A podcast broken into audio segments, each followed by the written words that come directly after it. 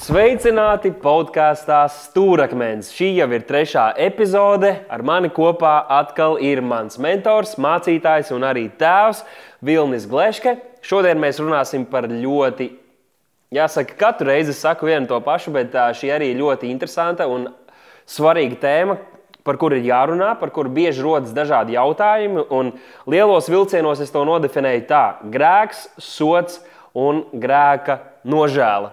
Lūk, par šiem tematiem mēs arī runāsim. Vispatīkamās tēmas, grēks, sots un nožēla. jā, visas mūsu mīļākās tēmas. Uh, un pirms mēs sākam, gribēju pateikties jums visiem uh, un iedrošināt jūs šai epizodei ielikt laiku, ierakstīt kaut ko komentāros. Uh, vai jūs piekrītat, nepiekrītat, varbūt jums ir kādi citi jautājumi, un droši arī padalieties, lai vēl jau vairāk cilvēku uzzina, ka šāds te podkāsts ir gaisā. Bet pirms mēs sākam, iesāksim ar lūgšanu.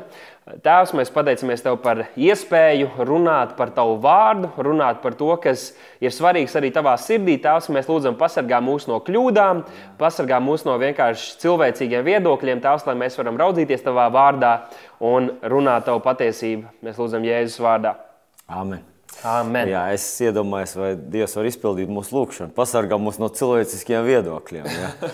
nu, ir arī tēmas, eh, kur, kurās pastāv iespēja kalpotājiem teikt, ka es nevaru apgalvot simtprocentīgi, ka tas ir tas, ka simtprocentīgi dieva, dieva vārds vai patiesība, bet es teiktu tā, un man liekas, ka Pāvils arī to vairāk lietoja. Un, eh, ja mēs tādos brīžos kaut kur nonāksim, tad mēs droši arī paturēsim tiesības tā pateikt. Jā. Un varbūt tāda maza atsaucīta, ka brīžiem mēs eh, mēģinājām drusku pārunāt savā starpā. Tad mēs sapratām, ka tās tēmas ir dziļas kā okeāns. Un, un mēs mēģināsim nenogurdināt jūs ar tādiem dziļiem spriedelējumiem, jo brīžiem tās tīri teorētiskas lietas. Ja? Un eh, viņas nevar izrunāt, jo tās iespējas ir tādas nu, tik niansētas, tās, kur kas, kurā mirklī, un tu to nevari pateikt. Tieši tā. Nu, tad ķersimies klāt, uh, lai neko nevilktu garumā. Uh, pats pats sākuma jautājums ir, kas tad ir grēks? Uh, tad, kad es mācu Bībeles skolā, un es zinu, ka tā ir tāda vispārīga arī izpratne kristīgajā draudzē, ka grēks vien no, viens no veidiem, kā to skaidrot, ir netrāpīt mērķi. Tur iedomāties, ka tev ir lokus ro, rokās vai tev ir uh, kāds šaujamais, un tālu tālu ir mērķis tavā priekšā, kurā tu gribi trāpīt. Tā būtu Dieva griba, Dieva plāns tavai dzīvei, Dieva raksturs, viss, kas ir svēts, labs, tīkams, pilnīgs mūsu dzīvēm. Netrāpīt mērķī, tātad aizšaut garām, nozīmē grēkot. Kā tu atbildētu, kas ir grēks? Nu, bez šaubām, ka šis ir labs definējums, un ka tu saproti, ka uh, grēks kādreiz vilina uz kaut ko un sola kaut ko labu, uh, bet nekad nedod to, ko viņš sola. Mhm. Bet uh, es teiktu, ka grēks ir uh, kaut kas vairāk nekā vienkārši baznīcas kaut kāds termins, vairāk nekā kaut kāds abstrakts, nu, tāds, nu, tā, neņem no dzīves to, ko tu gribētu ņemt, bet grēks ir kaut kas konkrēts, grēks ir kaut kas mm, nu, absolūts. Absolūts ir tādā ziņā, ka tas ir nu, kaut kas ļoti nodefinēts. Varbūt ne mums tā ir tā sajūta, Bet uh, raugoties no Dieva perspektīvas, mēs redzam, ka Bībele ir kaut kādā mērā arī kaut kādā mērā skatās no tāda tieslietu skatījuma uz, uz cilvēka dzīvi un vispār uz šo te. Un tāpēc Dievs ir nosaukts par tiesnesi, par tiesas dienu. Un grēks šādā bibliskā tieslietu skatījumā būtu noziegums. Ja? Mhm. Uh, Tātad viss, kas ir netaisnība, apelsīns Jānis raksta, Netaisnība ir grēks. Katrs, kas dara grēku, dara arī netaisnību. Netaisnība ir likuma pārkāpums vai noziegums.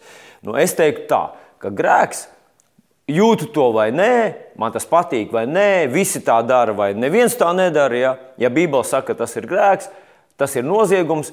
Un tas ir kaut kas, kaut kas, kas tiek piefiksēts, tas nepazudīs pats no sevis. Mēs to redzam ļoti labi vecajā derībā. Un kā mēs jau iepriekšējā raidījumā runājām, ka vecās derības vien, vai bauslības viens no mērķiem bija pierādīt, ka grēks ir brutāls un tas pats no sevis nepazudīs. Un, un mēs redzam, uh, ka Dievs ved ārā savu tautu no Eģiptes zemes, jā, viņš dara tur fantastisks, milzīgs brīnums. Tur ir vārdas, tur ir tumsa, tur ir as, nīla tiek pārvērsta.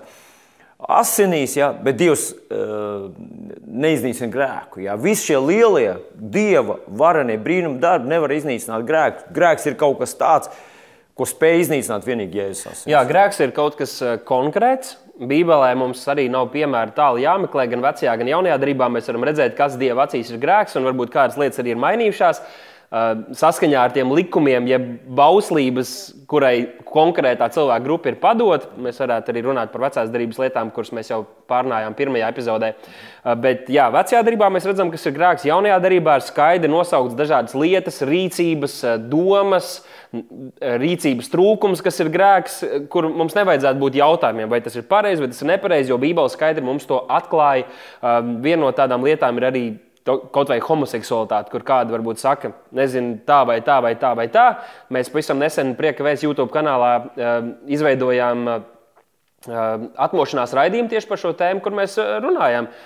Starp visiem grēkiem arī šis tiek nodefinēts kā grēks, bet Bībele arī uz to visu mums atļauj paskatīties nedaudz plašāk. Tātad viens ir tas, ko mēs skaidri zinām, kas Bībelē pateikts, skaidri, kas ir grēks, ko mums nevajag darīt vai ko mums vajadzētu darīt, lai mēs nebūtu grēkā. Bet, piemēram, Jēkabā vēstulē ir teikts, ka, ja tu zini labu darīt un nedari, tas ir par grēku. Pāvils Romiešu vēstulē 14. nodaļā raksta, bet viss, kas nenāk no ticības, ir grēks, un mēs zinām, ka taisnēs no ticības dzīvo. Tātad, Jēkabs arī 2. nodaļā, 9. pantā raksta, ka, ja mēs uzlūkojam cilvēku vaigu, tad mēs spriežam par cilvēku tikai āršķirīgi, tad arī tas ir grēks. Uh, un tā tad ir konkrētas lietas, ko Dievs ir nodefinējis, kas viņiem ir neciešams. Un tāpat laikā ir daudzas lietas, kur mēs arī netrāpam mērķī, ja tā var teikt, uh, raugoties uz to pilnīgo Dieva gribu un plānu priekš mūsu dzīvēm, kā mums vajadzētu dzīvot. Jā. Nu, varbūt kādam, kurš noklausījās šo tavu uzrunu, tās raksturvietas, kuras tu pieminēji, var rasties sajūta, ka, nu, teiksim, viss, kas nenāk no ticības, ir grēks. Ja? Ka vispār nav iespējams cilvēku dzīve pati ir grēks, ja? jo viss ir grēks. Un, man gribētos teikt, ka, protams, ka šo skatījumu rada tas, tā kultūra, kurā mēs dzīvojam, un tā ir grēka kultūra. Nu, nē, nē, es neesmu ne, ne opozīcijā, ne ienaidā, ne nicinoši pret sabiedrību un viss, kas sabiedrībā notiek. Uh, Bet, manuprāt, tāds ļoti eh, tāds, nu, tāds piemērs, var, varbūt tāds uh, aktuāls piemērs. Nu, pat mēs dzirdējām, ka vienam no mūsu universitātes, viena, vienai no mūsu universitātes profesoriem, viņam bija tāds uzbrukums kaut kur tur, ja es pareizi atceros, kaut kādā Agenskalna tirgu, tur bija kaut kādi cilvēki, kas viņam uzbruka un uzbruka tāpēc, ka tas viņš nu, tā ir homoseksuāls ja, un izrādīja to savu, savu to nepatiku, dusmas. Nu, naidu varbūt ja, pret homoseksuālu cilvēku. Nu, lūk, šeit mūsu sabiedrībā tas tika uztverts tā, ka nu, teiksim, uzreiz ziņās par to stāstīja. Un es domāju, uzbrukumi visur, kur notiek. Jā. Visādi cilvēki tiek sievietes, un vīrieši, un bērni un jaunieši. Tiek, viņiem tiek uzbrukts, viņi tiek aplaupīti, apzakti, jā, bet neviens ziņās par to nerāda. Jā. Bet nu, šis ir tāds īpašs gadījums. Bet ir sabiedrības un ir tādas valstis, kur šis tiktu uzskatīts par goda lietu, ka, ka, ka teiksim, tādam homoseksuālam cilvēkam vai cilvēkam, kurš atklāti izrāda savu homoseksualitāti, viņš tiek apstādināts un viņam tiek parādīta viņa vieta. Ja? Nu, ar to es gribu teikt, ka tas, ka pie mums kaut kādas lietas šķiet normālas, un mēs sakām, kā Dievs var dusmoties vai sodīt kādu par kaut ko tādu, ko mēs te darām, jo tas taču ir normāli. Bibliskā skatījumā, vai dieva tajā kultūrā, vai dievišķajā uh, sabiedrībā, ja, uh, tiktu uzskatīts kā, kā noziegums. Jā.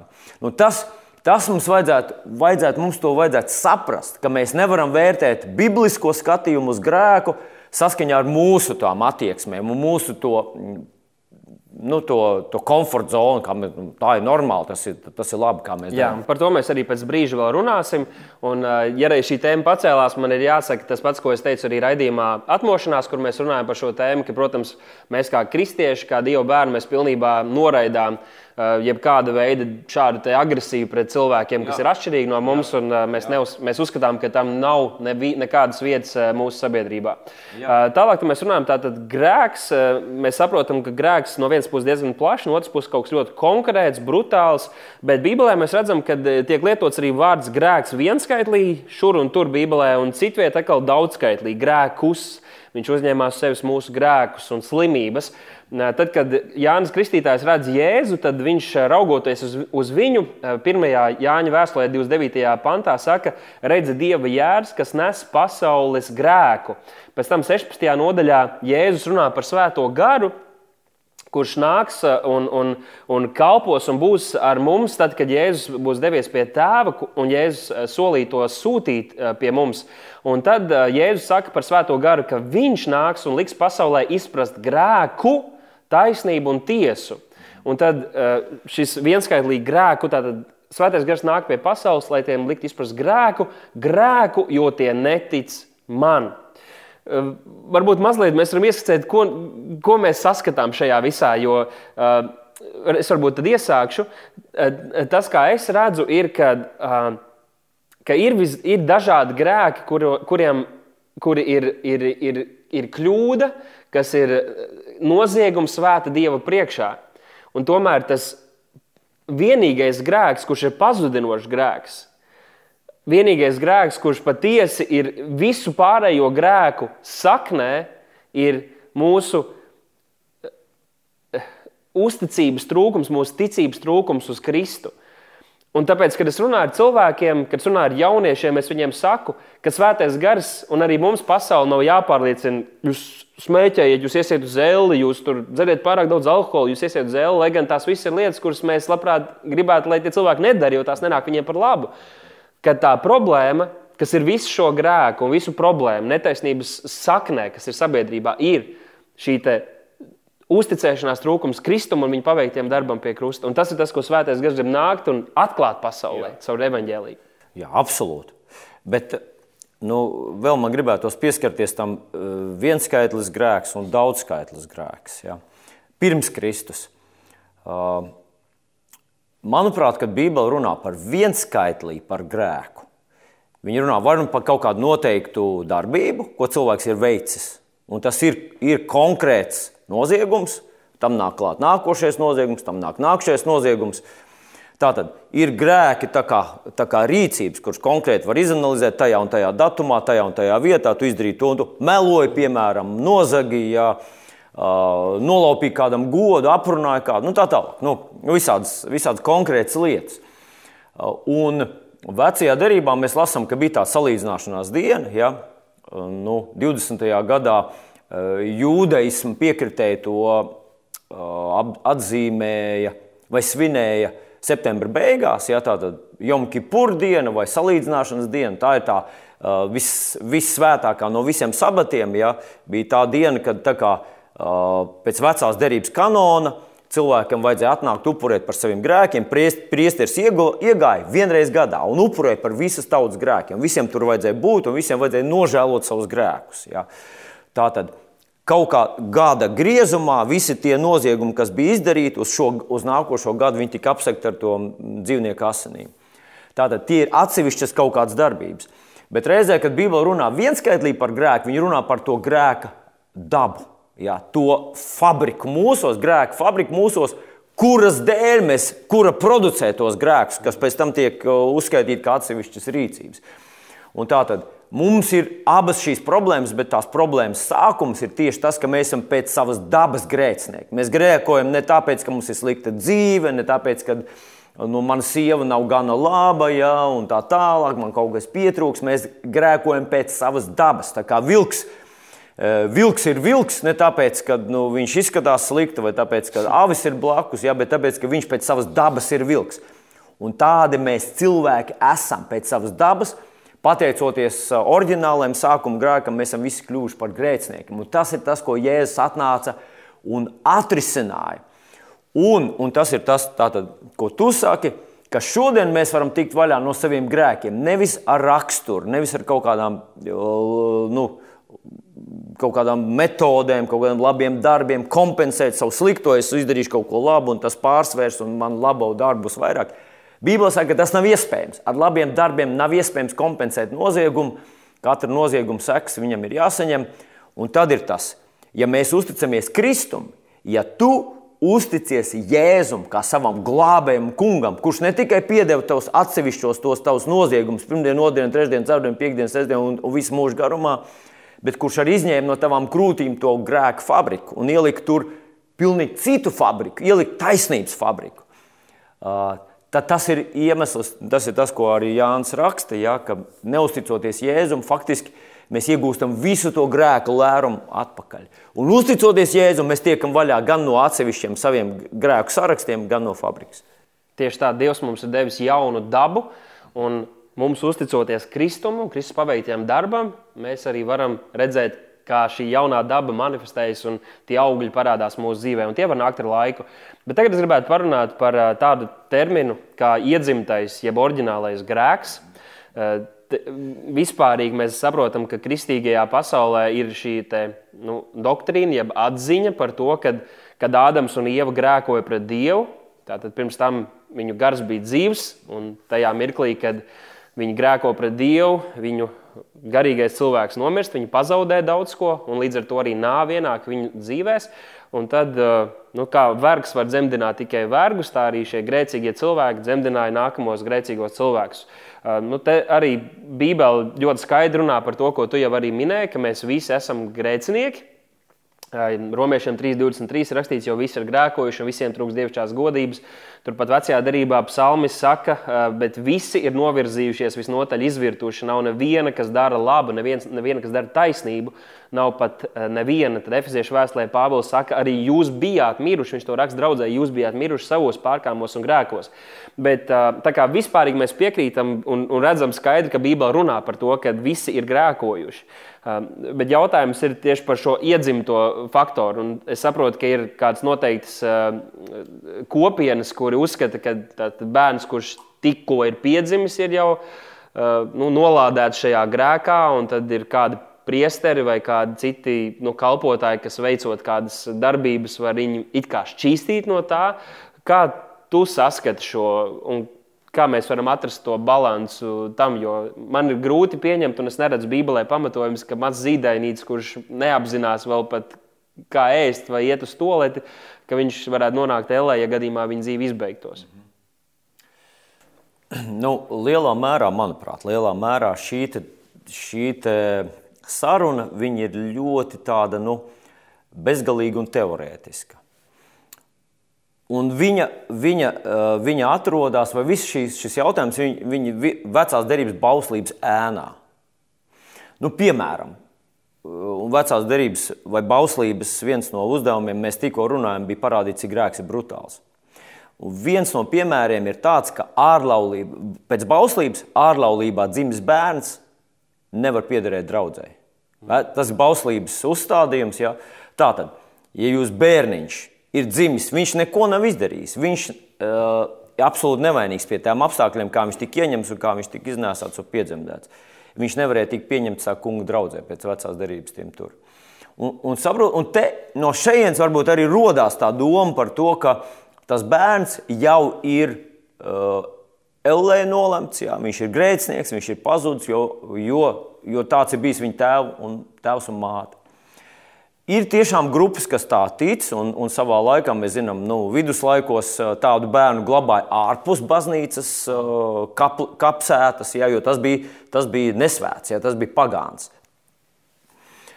Šodien, man liekas, mēs no katoļu baznīcas arī izvairās par to runāt tieši tā, ja, jo nu, tas tiktu uzskatīts par vienkāršu nu, barbarismu. Ja.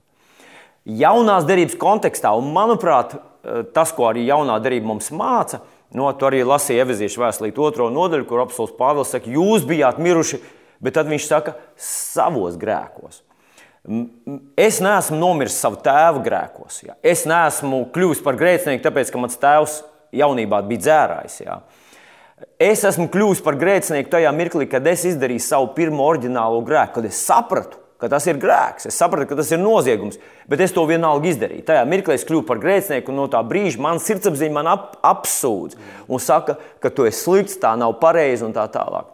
Un man ir vajadzīgs glābējs. Tāpēc man ir ļoti svarīgi, ka es dzirdu šo vēstu par Jēzu, kurš ir glābējs arī tādam grēciniekam, kurš ir teiksim, 5, 6, 7 gadu vecs.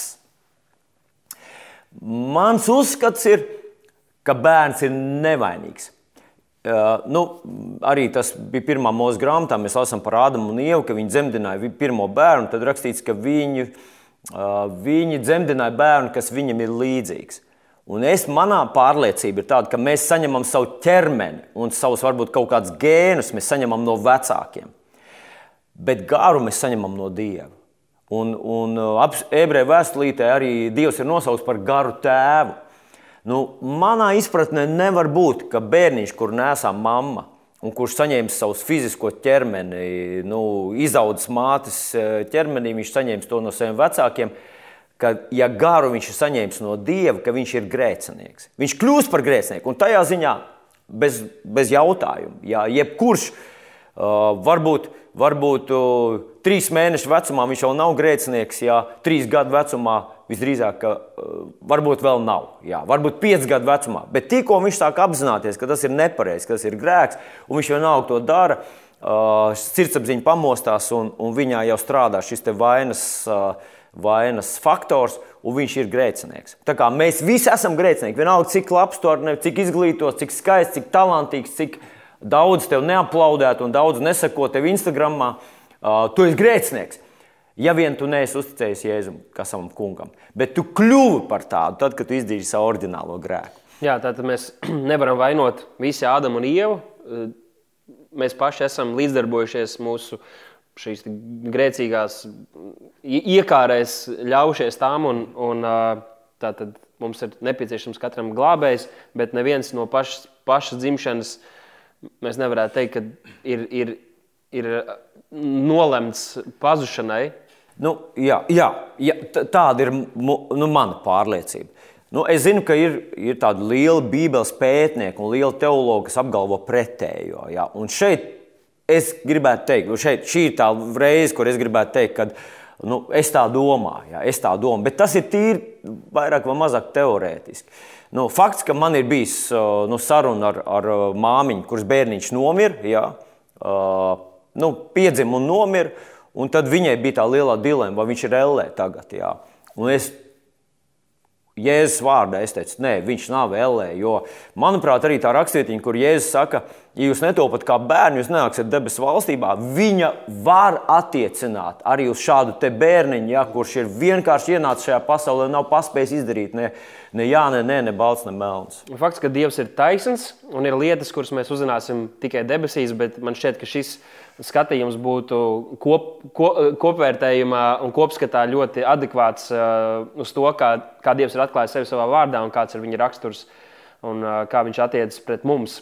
Uh, nākamais jautājums būtu par to, par grēku vairāk, bet tieši kas tad ir tas, kurš nosaka, kas ir, kas nav grēks, jo, kā jau mēs runājām, ir pavisam konkrētas lietas, kuras ir nosauktas par grēku Bībelē, un tepat laikā ir arī tāds plašs skatījums, ja tev jāpaklaus Dievam, tev jārīkojas ticībā.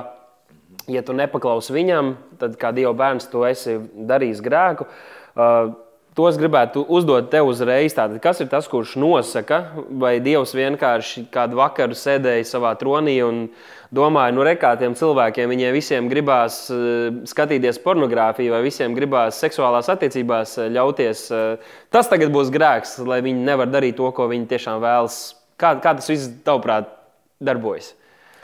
Jā, esot bijis viens mācītājs, kurš eh, nu, studējis un domājis par dažādām Bībeles tēmām, un skatījies, kā viņa pagalmā skraida viņa dēls ar vairākiem vienaudžiem. Jā.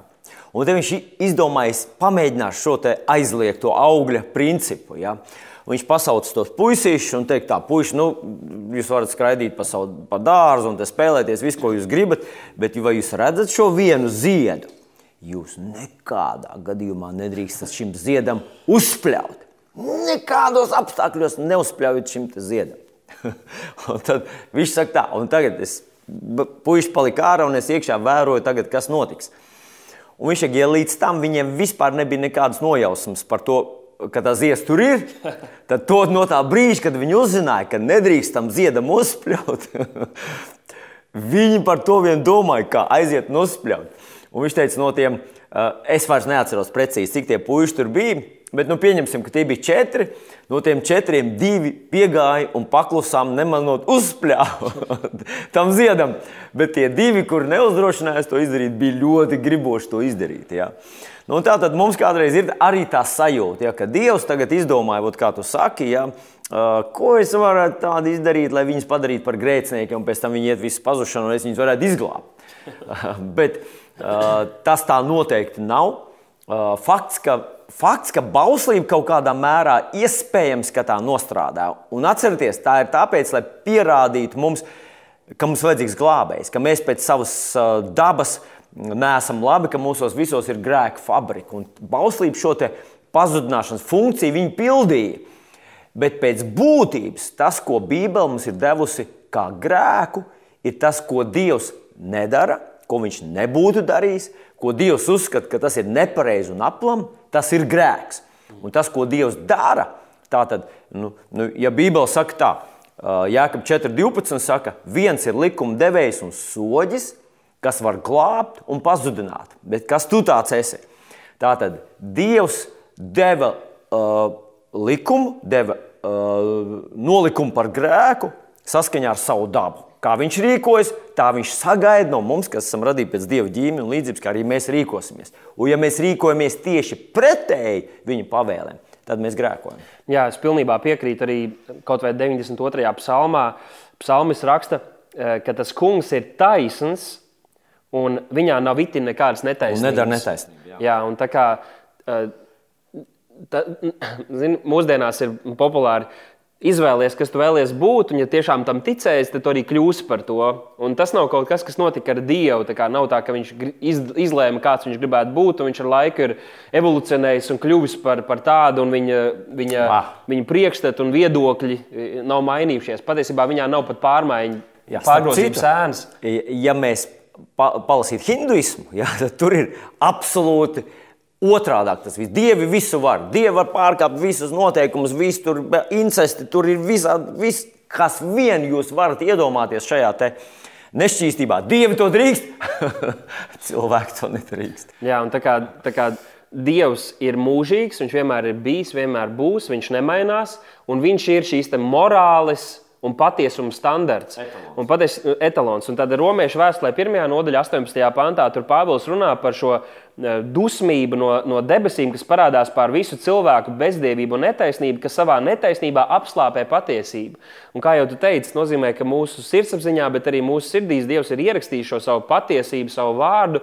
Un viss visapkārt mums liecina par to, kas ir pareizs, kas ir labs, kas ir nepareizs. Un cilvēki vairāk mīl savu grēku un bezdevību nekā Dievu, un tādēļ izvēlas ignorēt un noraidīt Dieva mīlestību un pieķerties visām, visām šīm lietām. Man patīk, kā šeit ir teikts, ka tie apslāpē patiesību. Tātad patiesība pastāv. Mums ir jāzina, ka patiesība eksistē. Ir kādi, kas mūsdienās saka, ka viss tas ir relatīvs, ka nav tāda viena patiesība, tev ir sava patiesība, man ir sava patiesība, bet tad jau tā arī nav patiesība. Tad jau šis teiciens izslēdz nu, pats sevi, ja viņš apgalvo, ka tā tev ir patiesība, tev ir sava patiesība, tad arī viņa nav patiesība. Nu, lūk, un, un Dievs vienmēr ir patiess. Viņš ir nemainīgs, viņš ir svēts, viņš ir pilnīgs. Un tā kā viss tas, ko mēs redzam un kā mēs interpretējam to, kas ir šajā pasaulē, kā, kā kas mums jāuztver, kas ir labs, tīkams un pilnīgs, tas izriet no tā, kas viņš ir. Un, tur, tur par to nemaz nav jautājumu. Viņš ir viss etalons. Amen. Nu, lūk, mēs ejam tālāk par uh, sodu. Grēks ir, tu pateici, tas ir noziegums, netaisnības darīšana. Nu, šeit virs zemes, ja mēs izdarām kādu kriminālu noziegumu, tad mums ir jāsaņem sots. Ir kādi, kas šeit uh, cilvēcīgos apstākļos spēj izvairīties no soda, bet vai taisna Dievu priekšā, kurš redz pat mūsu domas, vai mēs arī varēsim izbēgt. Un kādam tad ir jābūt šim sodam? Un, uh, par to es gribētu nedaudz dzirdēt. Jā, kāds tad ir sots par grēku? Nu, pašā, pašā Bībeles sākumā, un pašā cilvēces sākumā, ēdienas dārzā, Dievs parādīja nāves koku un teica, tajā mirklī, kad tu ēdīsi no šī koka, tu mirsi. Tas bija nu, Tu vari būt miris, visdrīzāk miris, kādreiz miris.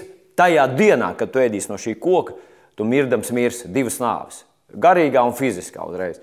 Un tas izsaka grēku būtību. Tas ir tas, ko mēs darām, kad mēs grēkojam. Ja?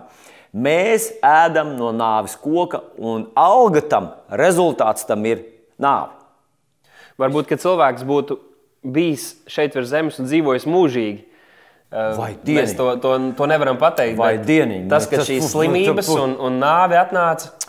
Bet Bet tāpēc arī, būtu pilnīgi cita pasaule. jā, bet tāpēc arī pasaulē un, un da, ir dzirdēts par daudziem arī nu, ietekmīgiem, bagātiem cilvēkiem, kuri iegūst ļoti daudz finanses, lai atklātu šo mūžības eliksīru. Jo visi baidās nāvis, un katrs gribētu dzīvot ilgi, dzīvot mūžīgi, ja, ja ir veseli. Un kā Iespējams, ka šī vēlme mūsos nav nemaz. Uh, Nav nemaz tā kā il- ilūzija vai kaut kāds muļķības. Varbūt tā, mēs netikām radīti, lai mēs mirtu. Bet redziet, jā, apelsīns Pāvils saka, ka es gribu atraisīties un būt ar Kristu. Uh, viņā, uh, nu, vismaz viņš nerunā par to, ka es esmu vai, vai, vai dieniņa. Un tajā laikā bija tāds skaists vietas, nesabojāts vietas, vēl vietas, kur, kur bija tikai daba, skaista daba, tīrs ūdens, tīrs gaiss, saulīt. Tur nebija ne, ne sasilšanas, ne atzīšanas, visas tās brīnišķīgās lietas, par kurām mēs vienā gabalā runājam. Un Pāvils saka, es gribu tapt aptraisīts un būt ar Kristu kopā. Tā kā ir kaut kādas, eh, kaut kādas tādas um, lielas izpratnes, lielas uh, mīlestības, jā, kas, kas paceļ mūs pāri un parāda mums tādu lielāku skatījumu.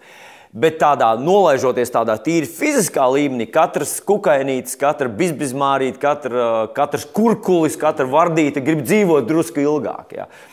Nu, mūsu ķermenis arī tā grib, un tas liekas, visiem liekas nu, ļoti normāli. Jā. Nu, fiziski nāvi mēs visi apzināmies, bet tu minēji arī par šo garīgo nāvi, kas notika jau ēdienas dārzā. Kā, kā, kā šeit tu paskaidro tādu grēka, sots, alga? Nu, tā tad mēs jau runājam par to, ka cilvēka daba izmainījās. Tad, kad viņš izdarīja pirmo oriģinālo grēku, viņš kļuva par grēcinieku. Nu, un līdz ar to, ja viņš, dara, ja viņš ir grēcinieks, viņš dara grēku. Ja? Pat, pat ja viņu piekaļ pie gultas, viņš teiksim, ir smagi slims, viņš uh, nevar no gultas izkāpt ārā, viņš vienalga dara grēkus.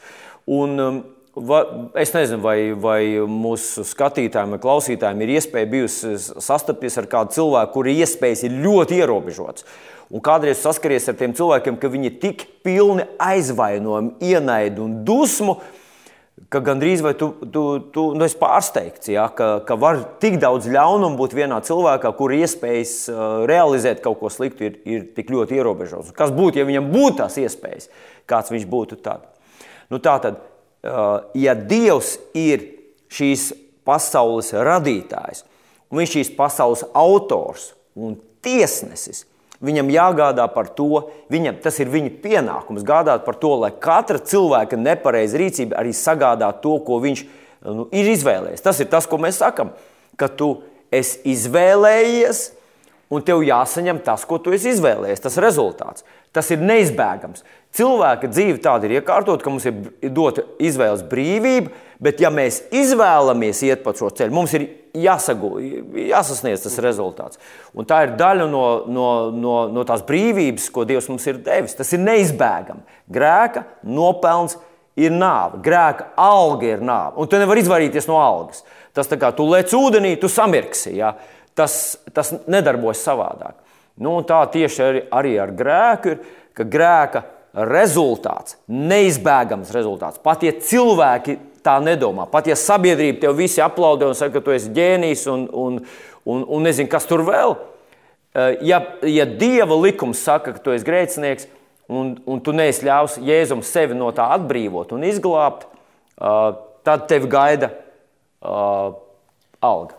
Alga, kas ir nāve, bet fiziska nāve jau savā ziņā skars mūs visus. Lai gan Bībele saka, ka tie, kas Kristum tic, nemu, nemirs, bet dzīvos, ja pat arī tie mirti, tad apsolījums par mūžīgo dzīvību. Bet šeit mēs nonākam līdz pārmetumam, ko bieži saņem kristieši. Un ik pa laikam arī to var dzirdēt mēdījos. Un tas ir par to, ka mēs biedējam ar elli, tātad ar šo mūžīgu pazušanas vietu. Un reaģējot uz šīm bailēm, kas cilvēkiem, protams, domājot par, par savu no dzīvi vai eksistence pēc nāves cilvēkus satrauc, jo tas ir kaut kas nezināms, tad tā ir tāda kā manipulācija. Un es esmu dzirdējis arī tā saucamos teologus, kuri ļoti gudri spriež par kristīgo mācību, par to, ko Bībele māca, un saka, ka šādai te nu, Bībeles interpretācijai nebūtu, nevajadzētu vairs pastāvēt, ka tās ir muļķības, ka tā ir manipulēšana. Un jāsaka, iespējams, ka šie teologi ļoti labi orientējas visās pasaules reliģijās, bet kristīgo mācību liekas, ka viņi galīgi neizprot, jo ir palaiduši garām. Kaut vai šāda raksturvieta Marka Evanģelī 9. nodaļā, 43. pantā, kur Jēzus runā, tātad nevis kāds no apstuļiem, kur, kur kāds varētu gribēt sagrozīt viņa vārdus, bet Jēzus saka, ja tevi tava roka apgrēcina, nocer to. Tev labāk kā kroplim ieiet dzīvībā, nekā ar divām rokām noiet ellē, neizdzēšamā ugunī, kur viņa tārps nemirst un uguns neizdziest. Un tad jautājums tātad, tu runāji par šo, par šo algu, kas ir ne tikai fiziski, bet arī garīga nāve. Garīga nāve, protams, ir mūžīga atšķirība no dieva, no visa labā un tā tālāk, un par to mēs varbūt drusku vēl parunāsim. Vai pastāv šāda te, Nu, pazušanas vieta, elle, uguns jūra, par kādu mēs bieži dzirdam, un ir kāda, kas to noraida, vai tāda pastāv. Vai ir, jo Jēzus nu, tā lika, tā Bībelē mums liek saprast, ka viņš brīdināja cilvēkus un teica, uzmanieties, ka jūs negrēkojat Meklējiet Dievu, nožēlojiet savus grēkus, jo ir kaut kas, ko jums ir jābīstās. Viņš kādā vietā teica, bīstieties nevis eh, no cilvēkiem, kas jums var nodarīt kaut ko pāri, bet kādu, kas var pazudināt jūsu dvēseles. Tā tad ir jābūt kaut kādām bailēm arī par šo mūžīgo pazušanu svētā Dieva priekšā. It kā šeit virs zemes eh, daudzus cilvēkus no nozieguma pastrādāšanas attur tas, ka viņi baidās, ka viņi tiks sodīti. Un vai, vai tas ir kaut kas pilnīgi nebiblisks par šo runāt? Manuprāt, tas ir uh, melns uz baltu uzrakstīts. Tas nav diskutējums jautājums. Un kāds puisis, kurš varbūt uh, nu, no, no tāda, tāda uh, grib nostāties dieva krēslā apsēsties un, un paskatīties uz pasauli, teikt, nē, nu es tomēr tā nedarīšu. Jā. Es tomēr nevaru pazudināt visus tos cilvēkus, kas tur atrodas tur un varbūt neko nezinu un tā tālāk. Uh, lūdzu, neklausiet tādus cilvēkus. Neviens nav ļāvis mums apsēsties šajā dievu lietā un, un risināt tādas globālas, globālas problēmas un tādā veidā veidot teoloģiju. Manuprāt, tas ir uh, milzīga augstprātība. Jēzus konkrēti runā par to, ka tāda, ka otra iespēja netiks dota, ka šis ir mūsu, šis dzīves laiks, ir tas laiks, kad mēs varam izmainīt savu mūžību. Vai tā būs vienā vietā vai otrā vietā. Un ir iespējas būt ar Dievu un iespējas būt bez Dieva. Dievs iemieso sevi visu to gaišo un sirsnīgo un mīļo, ko mēs vēlamies. Apzināti, neapzināti, gribam, mēs negribam, mēs vēlamies visu to, jo mēs tādu esam radīti. Tā kā zivī vajag ūdeni, mums vajag dievu. Un cilvēks, kurš izvēlās neiet kopā ar Dievu vai iet pret Dievu, viņš nonāks tajā vietā. Viņam ir tādas tiesības, tā ir viņa brīva izvēle, un Dievs ir garantīja tam, ka viņš to dabūs. Un tas būs bez atgriešanās iespējām. Mīļie draugi, tā nav biedēšana, tas nav kaut kas tāds, jēzus tā pateicis, tas tā būs. Stāv rakstīts. Stāv rakstīts, jā. Tas, tas vienkārši tā būs. Vai tā ir daļa no evaņģēlīja? Manuprāt, cilvēki intuitīvi to visi zina. Viņi mēģina sev, viņi to stāsta, sev iekšā nevar būt. Teiksim, esmu tāda aktrise, esmu tāds nopelnījis, bagāts mākslinieks, esmu tikai dziedājis, dejojis un komponējis un, un, un, un visiem sagādājis prieku un baudu un tā tālāk. Nevar būt, ka es būšu ellē. Ja? Uh, ir daudz sliktāki cilvēki, ja uh, starp kristiešiem ir daudz sliktāki cilvēki. Un varbūt uz mirklīti es atkāpšos no mūsu tēmas un piezīmēšu, ka kristietis nav cilvēks, kurš ir labāks par visiem citiem. Kristietis ir cilvēks, kurš apzinās savus grēkus un apzinās, ka pats nav pelnījis glābšanu un lūdz, lai Jēzus Kristus kļūst par viņu kungu un glābēju. Tāpēc viņš ir kristietis un tāpēc viņš nebūs ellē. Ne tāpēc, ka ir labāks, bet tāpēc, ka ir atļāvis Jēzum šo grēku problēmu atrisināt. Bet tā tad uh, elle ir Varbūt viņi ir nosaukta tā elle, mēs varbūt jaucam tos terminus, mēs domājam, elle, uh, uguns jūra, nāves valsts, šeola, kas tas īsti ir. Tad uh, tas galīgais, ko Bībelē saka, un tas atklāsmes grāmatā 14. nodaļā uzrakstīts, atklā, uh, tas galīgais nosaukums ir nodefinēts kā uguns jūra, kurā tiks nāves valsts iemest, kurā būs elle, kurā būs antikrists, kurā būs viltus pravietis, kurā būs visi tie, kas ir izvēlējušies būt ar viņiem kopā.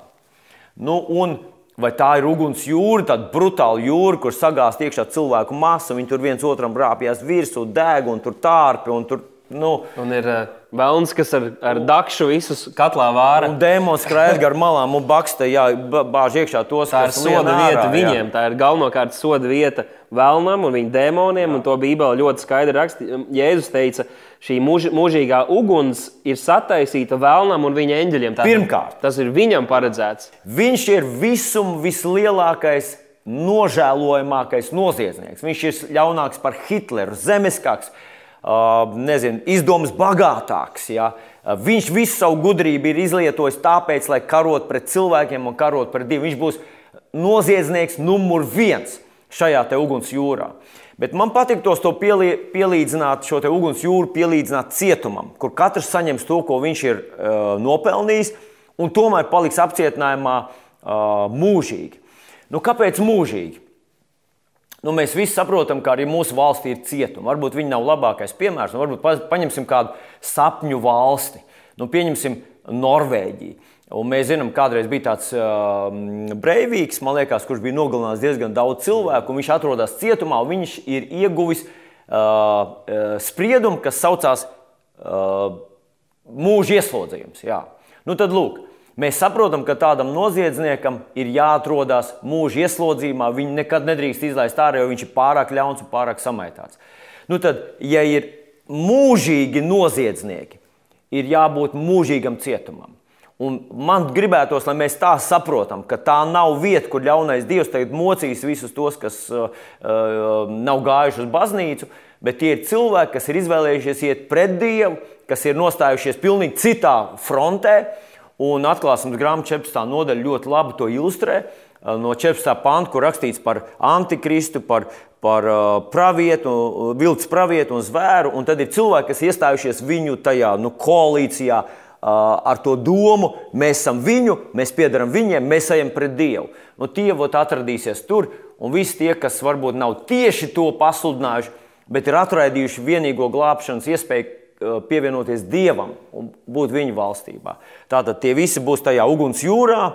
Un man patīk labāk tā koncepcija par to, ka tas ir mūžīgi noziedznieki, mūžīgs cietums. Jā, un uh, jāpiebilst, ka uh, garīgas realitātes ar fiziskiem piemēriem parādīt un izteikt ir, nu, tas ir tikai tāds blāvs skatījums uz to. Līdzīgi kā runājot par Dievu valstību, uh, par debesu valstību, mums ir kā par jauno pasauli, kurā mēs dzīvosim, mums ir kā Bībele dod kādus kā attēlus, lai mēs aptveram, nojaust, un tomēr mēs nevaram stādīties priekšā arī domājot par to, kā dievs, kāds Dievs ir, kā viņš izskatās un, un visas šīs būtnes. Uh, mēs tikai drusku varam tajā ieskatīties. Līdzīgi arī es domāju, ka attiecībā uz Zelti tas arī ir tāds kā attēls, kur mēs kā varam izprast, ka tas ir kaut kas ļoti, ļoti nevēlams, kaut kas tāds, ko mēs nenovēlētu savam ļaunākam ienaidniekam. un Tomēr mēs nevaram īsti izprast, kā tas viss darbosies. Un to, lai mēs atstājam Dieva ziņā, Dievs ir taisns. Gluži kā tu teici, Hitlers nesaņems tādu pašu sodu kā kāds vietējais lūriķis, kurš nu, ir nozieguma līmenis un tas ļaunums, kas ir bijis viņā, ir bijis atšķirīgs. Dievs parūpēsies, ka ir taisnība. Bet ir daudzi arī kristīgā vidē, kas uzskata, ka Tātad daudz dzīvos mūžīgi, tie, kas būtu ticējuši Kristum, bet pārējie vienkārši izbeigsies. Uh, Bībelē mēs īsti, man liekas, ka to grūti būtu pamatot bibliski, jo mēs redzam tomēr par šīm mūžīgas soda vietām un par, par mūžīgām liesmām uh, un, un, un, un tā tālāk, uh, kas, kas skaidri par to tiek paustas. Un, un, un, Un, ja mēs arī teiktu to pašu, tad tas tā kā mēs nonāktu vienā nometnē ar ateistiem, kur arī un evolūc, evolūcionāriem, kur vienkārši saka, jā, mēs vienkārši beigsimies, ja, kad mēs tagad dzīvojam, un tad vienkārši viss beigsies. Dievs nebūtu taisns, ja tie cilvēki, kas ir darījuši grēku, kas ir nodarījuši pāri daudziem, ja, ja, viņi, ja viņi vienkārši beigtu eksistēt, viņiem ir jāsaņem sots par to, ko viņi ir, ir, ir darījuši. Tas to cilvēku paņem no Jāņa 3.16, ja, kad uh, it kā pieņemot jēzu, mēs iegūstam mūžīgo dzīvību. Un, un tie, kas nepieņem jēzu, tie, tie nodzīvo līdz kapam, un, un tad dusmas dzimta smiltējām beidzās. Jā. Tā mūžīgā dzīvība ir taisnība, miers un prieks svētajā garā. jā, bet mūžīgā dzīvība ir, attiecības. ir attiecības. uh, Jāņa 17.3. viņš saka, kas ir mūžīgā dzīvība. Tas ir atzīt vienīgo patieso Dievu un to, ko tu esi sūtījis Jēzus Kristus. Tad tas ir personīgas attiecības ar tavu debesu tēvu.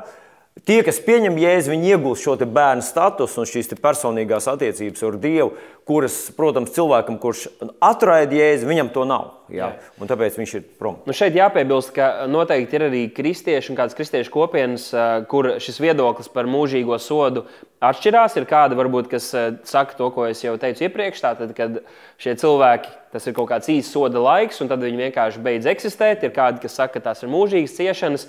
Šķiet, ka Bībele, Bībelē kādi var piemeklēt raksturvietas, kas stiprina vienu vai otru pusi, bet tam nevajadzētu būt jautājumam, kas šķeļ kur mēs sakām, nē, nu tad jūs neesat daļa no draudzes, jūs neesat Kristus sekotāji. Ja tas nav jautājums par to, kas ir Kristus vai Kristus ir augšām cēlies, tādi fundamentāli jautājumi, tad uh, tur var palikt kaut kādas interpretācijas iespējas, un mums nevajadzētu nu, strīdēties par šādām lietām. Uh, bet nu, katram ir jālasa Dieva vārds un jāskatās, ko Dievs runā uz viņiem, jo Dieva vārds ir skaidrs, saprotams. Uh, labi, ja ir šāda te mūžīga soda vieta, cietums, kur tiek izciests sots, bet pēc tam arī kaut kāda veida nu, šis apcietinājums tiek saglabāts. Jautājums ir tāds, vai Dievs rīkojas taisnīgi. Ir kādi, kas saka, kā Dievs var sodīt cilvēku kādā mūžīgā briesmu vietā par to, ka viņš izdara kādas dažas kļūdainas izvēles un varbūt nevēlas vienkārši ticēt Kristum, vai Dievs taisnīgi rīkojas. Un šeit varbūt īsi mēs varētu, kā, kā tu atbildētu uz tādu jautājumu? Dievs absolūti taisnīgi rīkojas. Nu, īsa atbilde. Jā, Dievs taisnīgi rīkojas. Cilvēks ir noraidījis sadraudzību ar Dievu, cilvēks ir noraidījis Dieva mīlestības piedāvājumu, cilvēks ir noraidījis Dieva ultimatīvu savu labo nodomu, savu dāsnumu, savas tēvišķās izšķērdības piedāvājumu. Un viņš grib aiziet prom. Viss. Jā, Viņam nu, ir tās tiesības. Es droši vien teiktu, ka cilvēki, kuri apgalvo šādas lietas, viņiem nav izpratnes, un mēs visi tikai daļai saprotam, bet nav izpratnes par to, kas Dievs ir. Viņš ir visa radītājs, viņš ir taisnīgs, viņš ir svēts, viņā nav itin nekāda ļaunuma, itin nekādas netaisnības. Viņš, viņš ir etalons tam, lai mēs teiktu, vispār, kas ir taisnība, kas ir pareizi. Ja mēs zinām, šodien jā. tas, kā mēs uzskatām lietas, ir pirms 100, pirms 200 gadiem cilvēki uzskatīja vēl daudz citādāk, ka kādas lietas bija pareizas, un šodien mēs teiktu, ne, tas ir kaut kas pilnīgi nepieļaujams. Iespējams, ka vēl pēc 100 gadiem atkal mūsu viedokļi būs drusku mainījušies, un tomēr Dievs nemainās, Viņš ir svēts un Viņš rīkosies taisnīgi. Un ja šādi te viņš rīkojas, ja šāds ir tas sots, tad tas ir taisnīgs. Un mums, mēs, kas mēs tādi esam? Mēs, kas vispār neko nesaprotam, kas esam radījumi no putekļiem radīti, ko mēs varam iebilst un teikt, Dievs tas ir ļoti augstprātīgi, un tad mēs pieņemam, ka mēs esam labāki par Dievu. Tas būtu muļķīgi. Tieši tā, tas tā kā tu spēlē galda hokeju, un tad aizej uz lielo futbolu, un tu saki, netaisnība. Ka, ka, ka, kas tie pa stulbiem noteikumi? Jā, bet es šo te pašu tēmu paturpinot, kāpēc ir jābūt, kāpēc ir jābūt sodam par grēkiem? Mazliet kontekstā mēs redzam, ka vecajā derībā cilvēki netika nu, daudzi tika sodīti, bet teiksim, lielos apmēros tā bija tauta, kas nes šos upurus. Tātad ja, tie bija dzīvnieki, kas tika nokauti par tautas grēkiem. Un, lai gan tad, kad kādu grēku uzpeldēja, kļuva zinām, tad viņi tūlītēji saņēma, saņēma sekas. Bet uh, bija tāda šī tā dzīvnieku asiņu izliešanas upuris, kas, ar ko bija pietiekams. Un tad jaunajā darbā mēs redzam, ka dažās vietās Jēzus pat kādiem cilvēkiem saka, ka tavi grēki tev ir piedoti. Ja? Un tas ir vēl pirms viņa, grēka, viņa, pirms viņa nāves pie krusta. Kāpēc? Kāpēc ir, ir jābūt šim sodam grēciniekiem un kāpēc Jēzum bija jāmirst? Ja viņš varēja tāpat piedot, Dievs taču varēja vienkārši piedot. Dievs ir taisns. Viņš nevar vienkārši piedot kādam, piedot un kādam nepiedot. Ja, ja, ja cilvēks izdarīs noziegumu, viņam jāsaņem tas, ko viņš ir nopelnījis par to. Tas, tas ir nu, neapspriežami. Ja. Ja, ja. Un tas ir tas, ko kādreiz Sokrāts, eh, viņš bija, viņu sauc par kristieti pirms Kristus. Ja.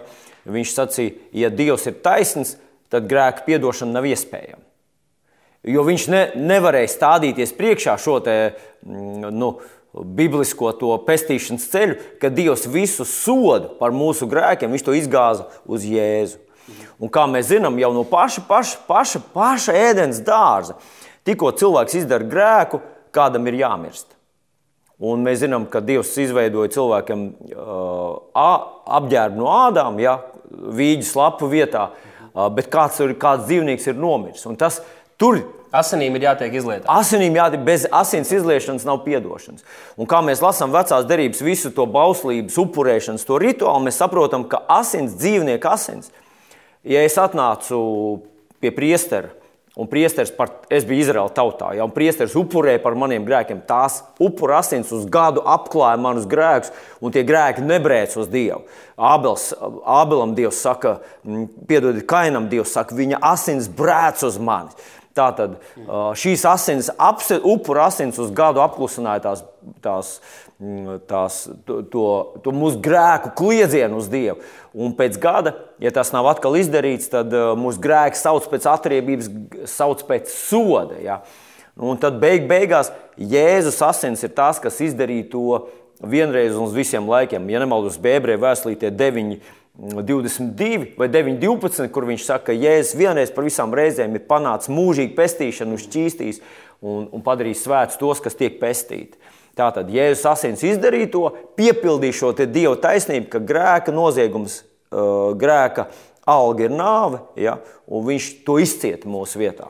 Jā, un šī taisnības apziņa mums visiem sirdīs arī ir, ja mēs teiksim, tagad dzirdētu par kādu cilvēku, kurš ir izvarojis trīs bērnus un noslepkavojis viņus vardarbīgi tad mums visiem būtu tūlīt pamostās tiesas. Teiktu, nē, viņam ir jātiek sodītam. Kā, viņam, jā. un, un gluži tāpat, tas, un, un šī taisnības apziņa mūsos ir no Dieva, un, un tas liecina par to, ka ir šāda objektīva taisnība, kur ir jāpanāk uh, uh, gan šeit virs zemes, gan arī garīgi, mūžīgi. Un, uh, kā jau to arī minēja, ebrejiem 9.22 rakstīts, bez asins izliešanas nav piedošanas. Tātad tas ir princips, kurš pastāv, tātad par noziegumu ir jābūt sodam. Uh, un līdz Kristum to daļai varēja aizvietot šie upuri jēri, ko Dievs bija devis tautai, lai grēki nevis tiktu nomazgāti, bet apklāti. Tad atnāk Kristus, un viņš ir šis pilnīgais Dieva jērs, kurš ne tikai apklāja, bet nomazgā, izdzēš, izdzēš ka, tie ir, uh, ka tie pazūd, uh, un mēs varam nākt Dievu priekšā pilnīgi bez bailēm, bez šaubām. Tā it kā mēs nekad nebūtu grēkojuši, un tas Tieši ir kaut kas fenomenāls. Tā, To, to ir grūti adaptēt. Ja? Īpaši, ja tu to sāc saprast, ja? to nu, savu grēcīgumu, tu sāc saprast savu nepilnīgumu, un tad, kad tu tā vari uzticēties Jēzus upurim. Ja? Bet tas ir tas, ko tieši mums vajag darīt. Bībelī mums māca, lai mēs atjaunojam savu prātu. Jā, un, un, un par šo mēs droši vien kādu citu reizi vēl parunāsim, kur arī ebreju vēstulē rakstīts par to, ka mums būtu jābūt brīviem no ļaunās apziņas, bet tas jau ir nedaudz cits temats. Uh, Tā gribētu nedaudz parunāt par uh, nepiedod, nepiedodamo grēku. Jāsaka, godīgi, kad es kalpošanā, nu, pilnlaika kalpošanā esmu jau nu, vairāk kā piecus gadus. Un pirms tam jau arī bija kalpošanā, un tad ik pa laikam man sanāk uh, komunicēt ar cilvēkiem, ar jauniešiem, ar vecākiem cilvēkiem, kuri man raksta vai mēs satiekamies, un viņi tieši par šo runā. Viņiem ir iekšēji tāda sajūta, ka viņi ir izdarījuši to nepiedodamo grēku, un viņiem nav vairs atgriešanās ceļa pie Dieva. Bībelē vairākās vietās mēs redzam, arī Jēzus Marka evanģēlijā teica, jūs var, visi, cilvē, visi grēki cilvēku bērniem taps piedoti, arī zaimi, ar ko tie dievu zaimo, bet, kad svēto garu zaimo, tas ne mūžam nedabū piedošanu, bet ir sodāms ar mūžīgu, atkal redziet, mūžīgu sodību. Un arī citās raksturvietās par to ir minēts, tātad nepiedodamais grēks. Tas varbūt es sākumā iedošu tādu kā mazu iedrošinājumu, kā, kā es saprotu, un esmu mācījies arī koledžās, un citi dievu vīri šo skaidrojuši. Ja tu domā, ka tu esi izdarījis šo nepiedodamo grēku, un tev vairs nav cerības atgriezties sadraudzībā ar Dievu, ka tas noritīs pazušanai, tad tas, kā šie vīri Dieva vīri skaidro, un tas ļoti atsaucās manā sirdī, ka kamēr tavā sirdī vēl ir vēlme atgriezties, ir vēlme salabot attiecības, ir vēlme nožēlot un mainīt savu dzīvi, lai iegūtu šo sadraudzību ar Svēto garu, uh, tu neesi izdarījis šo grēku. Jo tad, kad cilvēks ir grēkojis šādā teļā, pavisam nopietnā veidā pret, pret Dievu, pret Svēto garu, tad viņa sirds ir tik ļoti nocietinājusies, ka viņš ienīst Dievu, ka, viņš, ka viņam riebas viss tas, kas ir saistīts ar Dievu, un viņam nav pat sirdī vēlmes kaut ko sakārtot, uzlabot. Un mēs, eh, kamēr es par šo runāju, droši vien varat iedomāties par kādiem visiem zināmiem eh, cilvēkiem, kuri eh, šādu savu sirdi arī atspoguļo un uz to mudina arī citus tāpat dzīvot. Tā kā, kamēr tavā sirdī ir vēlme atgriezties, esi drošs, ka tu neesi izdarījis šo grēku, un Dievs vēl aizvien tevi kā pazudušo dēlu gaida atpakaļ, lai tevi pieņemtu atpakaļ sadraudzībā. Jā, Jā tā tas ir. Bet man gribētos vēl druskuļi pakāpties atpakaļ un teikt, ka nu, vispirms ir tādas tēmas, kas ir tabū. Mums ir tāds raidījums, bet, jā, ka bez tabū, un, un es varu par visu paņirt un par visu pasmieties. Un kaut kur pamācībās bija teikts, ja nemaldos, ka muļķis mīl jokot par grēku upuri, ja, par svētām lietām. Nu, tad es nezinu, kā, kāds tu esi, mīļais klausītājs bet ir lietas, par kurām tu nejoko, nesmējies, par kurām tu negribi to darīt, jo tām var būt ļoti nopietnas sekas. Un zaimot kungu Jēzu, karikatūras rakstīt par viņu, lai gan Jēzus teica, ka tas tiks piedots, ja, ja, ja tu meklēsi šo piedošanu.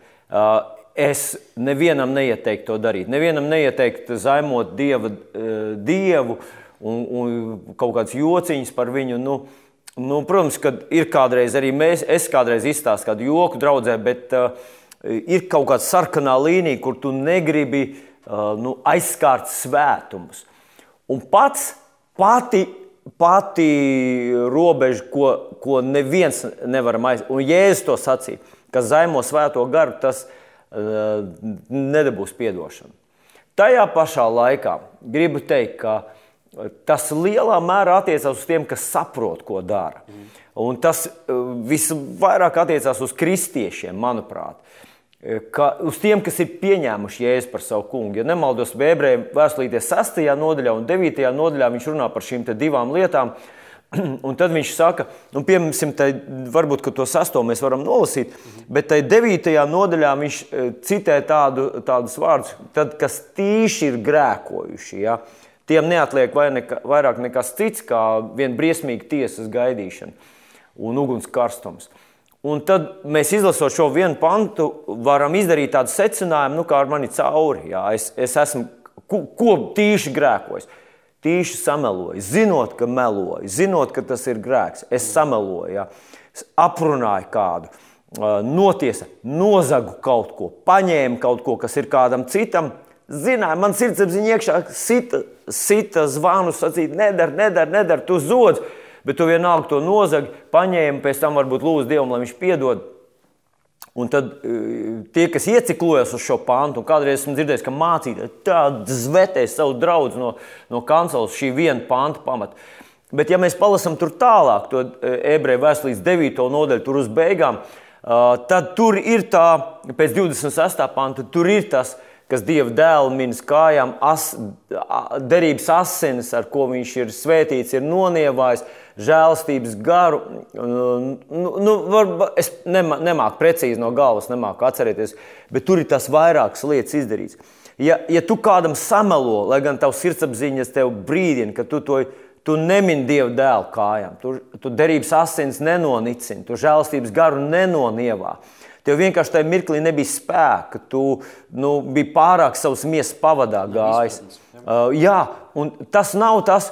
Drīzāk tur iet runa par cilvēkiem, kas apzināti pieņēmuši Jēzu par savu kungu, apzināti saņēmuši svētā gara kristību, apzināti saprotot, ko Jēzus asins priekš tevis izdarījuši, izvēlas iet pret viņu. Un es tādu cilvēku savas dzīves laikā esmu sastaps. Uh, savā laikā, tas bija diezgan daudz gadus atpakaļ, uh, satika vienu bijušo mācītāju no vienas no tradicionālām konfesijām. Viņš strādāja, viņš bija tā tāda ēna. Viņš nāca un gāja, darīja savu darbu. Tā viņā nebija smaidu, nebija prieka, nebija kaut kāds. Viņš bija tāds, un tad es kā jauns kristietis apsēdos viņam blakus un mēģināju sākt evanģelizēt un stāstīt viņam par Jēzu un Dieva mīlestību. Un viņš likās, ka viņš to vispār nedzird līdz vienā reizītē. Viņš tā pagriezās pret manīm un teica, tā, uh, man uz manīm tas vairs neatiecas. Es esmu to pazaudējis. Un tad viņš pastāstīja to savu stāstu, ka viņš bijis mācītājs, viņš ir bijis, nu, mm, kas sapratis, studējis Bībeli, citiem sludinājis eh, evaņģēlīju vēsti. Bet tad padomu laikos tas bija. Viņš bija kaut kā vīlies, kaut kur viņš bija pazaudējis to kaut ko. Viņš nebija sapratis un nebija saņēmis no Dieva tā, kā viņš bija to plānojis.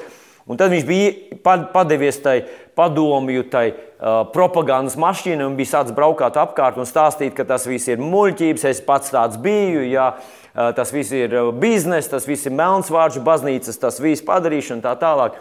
Līdz vienai dienai viņš saprata, ka, ka durvis aiz viņa ir aizvērušās. Viņš to vairs nevar atgūt atpakaļ. Un te ir tas noslēpums, ka, ja tu esi pieņēmis Jēzu par savu kungu, tu esi viņu iepazinis, tev ar viņu ir attiecības, viņš ir piedevis tavus grēkus, tu esi nosaukts par jaunu no, radījumu Kristu Jēzu. Nu, dzirdēt, tas ir tāds status, ko tu sargā. Un tu bīsties grēkot, jo grēks apcietina sirdi. Ja? Un tāda uh, lēnītēm tas notiek, un cilvēks var nonākt. Es gribētu teikt, var nonākt tajā vietā, ka viņš atsakās no Kristus, atsakās no Dieva, atsakās no žēlstības. Atcaucoties uz šo raksturvietu, arī ir viens princips, ko es esmu mācījies jau vairāk, nu, ilgāku laiku arī no tevis, un tas ir nu, par šo svētā gara zaimošanu, kad ir lietas, ko mēs redzam, kas tiek darītas, nu, ko dara kristieši, ko, ko ko, ko, kas tiek darītas, un varbūt mēs nevienmēr saprotam, vai mums tās liekas atšķirīgas, citādākas. Un, Uh, miesīgi, cilvēcīgi, varbūt mēs gribētu spriest un teikt, nē, tas nav Dievs, tas nav Svētais Gars, tas ir tas un tas. Uh, un varbūt ir arī vietas, kad, uh, nu, brīži, kad garīgi mums ir šī gara izšķiršanas dāvana, mēs, mums vajadzētu spriest un teikt, nē, tas ir pilnīgi kaut kas bezdevīgs, tas ir kaut kas demonisks. Un tomēr ir jābūt ļoti uzmanīgiem, tā, lai vērtētu, lai kritizētu kaut kādas lietas, ko, ko Dievs dara. Uh, tas ir kaut kas, ko es uh, esmu mācījies, un, un, un tam vajadzētu būt kā padomam, ko mēs ņemtu arī no šīs raksturvietas. Tāpat arī Pāvils, uh, 1. Timoteja 1.13. viņš teica, ka arī viņš bija zaimotājs un vajātājs, varmāk, un tomēr viņš ir apžēlots, jo nezinādams viņš to bija darījis. Un tu jau pieminēji ebrejiem 6. Līdās mēs iesim tālāk. Ebrejiem 6, kur rakstīts, ka ir neiespējami tos, kas reiz apgaismoti un baudījuši dievu dāvanas, un kļuvuši svētā gara dalībnieki un baudījuši labo dievu vārdu, nākamā lietas spēkus un krituši atkal vest pie atgriešanās. Un viņš tātad runā par šo grēku, ko kāds ir pastrādājis, ka viņam nav iespējams atgriezties, bet viņš nosauc piecas ļoti brieduša kristieša kalpotāja, līderu pazīmes. Tātad tas attiecas uz, uz šādiem cilvēkiem drīzāk. Um, Nu, Noejam tālāk uz veco derību, kur ir uh, jautājums, kas ik pa laikam paceļās tiem, kas tajā iedziļinās. Tur ir um, šāds azazēls pieminēts 3. mūža grāmatā, 16. nodaļā. Tātad tur ir divi Tātad jērs un āzis, kas ir jāpaņem, un viens tiek upurēts, tātad uh, viņa asins tiek izlietas, bet uz otra tātad šī āža tiek uzkrauti uh, nu, tautas grēki, grēki, un tad tas jā. tiek aizsūtīts. Uh, uz tūkstnesi, bet tur ir šis azēls, un kādi saka, ka tas ir kaut kāds sen grieķu vai citu kaut kādu tautu dievība, elks, kuram tātad šis āzis tiek aizsūtīts. Kā, kā, kā mēs to skaidrojam, kā tu to atbildi? Tur ir tajā vienā nodaļā, viņš trīsreiz pieminēts, ir, bet uh, tas arī ir viss. Un, uh, ir, ir vairāk tulkojumu, kuros vispār tur vienkārši rakstīts grēkāzes. Ja, tas ir grēkāzes. Un, nu, cilvēk, ne, cilvēks ne, bet tas ir āzes, uz kuru it kā tā tiek uzlikti tie grēki, un viņš tiek aizdīts uz tūkstnes. Un tad komentētājs saka, vai nu tā ir vieta, uz kurien tas tiek dzīts. Tad viens cilvēks ir tas, kuram tas āzes jānogādā, jāizved uz to konkrēto vietu. Vai arī kaut ko citu tas nozīmē, vai arī kaut kādas misē, kas tur ir. Bet, uh, Nav īsti saprotams, kas tas ir, man nav īsti koncepcijas, kas tas Jā. nozīmē. Bet, uh, Es nevarētu pieņemt kaut kādu ja, domu, ka kādam dēmonam tiek upurēts kaut kāds āzis. Ja. Vecās derības kontekstā Es to nevaru pieņemt. Jā, es to nevaru. Jā, un šis pats vārds arī ir kāds, kas saskata līdzības ar kādiem šiem kā dievībām citās tautās, bet uh, šis vārds pēc būtības arī nozīmē šo tuksnesi vai tukšumu, kur uh, tiek tiek aiznesti šie tautas grēki, kuri, kā jau mēs minējām, vecajā derībā tie nevarēja tikt izzēsti. Šis upurējumais jērs nevarēja tos nomazgāt, nevarēja tos uh, nu, no tiem atbrīvot tautu. Un kā no vienas puses tas ir arī attēls, uh, līdzība tam, ko Kristus izdarīja. Jo viņš gan bija tas jērs, kurš tika upurēts, Tātad, kur asins tika izlietas, lai mūs nomazgātu, bet viņš arī bija tas jērs, kurš nesa šos pasaules grēkus. Viņš arī devās tūkstnesī, kā mēs zinām, savas kalpošanas sākumā, kad Jānis Kristītājs viņu ieraudzīja un saka, tas ir Dieva jērs, kas nes pasaules grēkus. Un šeit arī es domāju, ka mums nevajadzētu ļauties kaut kādām maldi, maldiem, ko kādi atrod divus vārdus un, un, un tagad savalk kopā ar kādiem citiem šis ir vārdiem. Ļoti, šis ir ļoti populārs. Viss, visādi sazvērstību teorijas sludinātāji, visādi maldu reliģijas sludinātāji, visādi New Age sludinātāji paņem vienu teikumu no Bībeles, saka, redziet, Jēzus jau arī tā teica. Jēzus jau arī to zināja. Viņš tikai nemā, nevarēja tiem cilvēkiem pateikt, jo viņi vēl nebija izauguši. Mēs esam izauguši, mēs vibrējam pareizi un mēs tagad esam. Cilvēks ir attīstījusies tik tālu, mēs drīz visi būsim Dieva dēli un viņi ieliek savu mācību Jēzus mutē, ieliek, un nevis un... mācību izņem no tā, ko Jēzus patiesībā ir teicis. Tieši tā. Tad ko šodien jādara cilvēkam, lai saņemtu grēku piedošanu? Jo mūs tagad arī varbūt skatās, varbūt kādi no jūsu draugiem ir neglābti ir šī grēka problēma, kas attiecas uz visiem cilvēkiem. Visi ir grēkojuši, visiem trūks dievišķās godības. Kas ir tas, ko cilvēkam ir jādara? Bieži varbūt draudzēs mēs dzirdam, tev ir jālūdz šī lūkšana, tad tu būsi glābts, viss būs kārtībā. Tāpat laikā Bībelē mēs redzam, Jēzus teica, atgriezieties no grēkiem, jo debesu valstība ir tuvu klāt pienākusi. Apstu darbos 3.19. rakstīts, tāpēc nožēlojiet savus grēkus un atgriezieties, lai jūsu grēki tiek izdaldēti. Un man šķiet, ka ir svarīgi saprast, ka ir, ir atšķirība Kad mūsu, mūsu valodā ir visu laiku lietots šis vārds, nožēlot savus grēkus, un tad mēs tā kā, oi, man ir ļoti, ļoti žēl, es esmu glābts, bet ir, šim vārdam ir divas nozīmes. Viens ir, protams, nožēlot, ka tu esi kļūdījies, ka tu esi netrāpījis mērķī, ka tu esi darījis nepareizi. Bet otrs ir tas, kas šeit dažās vietās ir minēts, Matei 3.2 arī, kas nozīmē atgriezties, nozīmē, ka pamest šo savu veco rīcību, pamest šīs vecās domāšanas ceļus un ticēt uz Kristu Un, un, un, un tas ir šis komplekts, uh, kas mums ir jādara. Un tāpat laikā mēs uh, dzirdam, ka ir kādas uh, nu, kopienas, vidas, baznīcas, kur viss ir netik vienkārši. Ne, ne vienkārši, ka tu pamet savus grēkus, ticot uz Kristu un seko viņam, bet kādreiz ir kādi nu, nezinu, priesteri, kas uzliek arī kādus gandarījumus. Tātad tu pastāst viņam savus grēkus, un viņš tev pasaka, acīm redzot, tev ir vai nu tik tur jānoziedo, jānoskaita tādas un tādas lūkšanas. Vai tam ir kāda vieta vai pamatojums Bībelē? Es Bībelē nevaru atrast nekādu tādu pamatojumu šim. Es zinu, ka tas ir iznoskaidrots. Piecas reizes sveicināt Mariju, vai tur vēl kaut ko tur, vai aizdodies ceļu svētceļojumā un tā tālāk. Es nevaru Bībelē neko atrast. Un, manuprāt, doma par to, ka pie Jēzus upura tev vēl kaut kas jāpieliek klāt, lai, lai Dievs tev piedod tavu grēku, ir. Uh, augstprātīga. Ja? Kā tu vari papildināt to, kas ir pilnīgs? Bet tas liek labi justies tādam reliģiskam, grēcīgam cilvēkam, jā. ka tu vismaz kaut ko esi darījis. Zināmā mērā tas dod apmierinājumu miesai, jā, ka tu taču esi kaut, ko, kaut kā kompensējis to savu grēku. Domāju, ka tas ir absolūti augstprātība un, un, un ģeķība.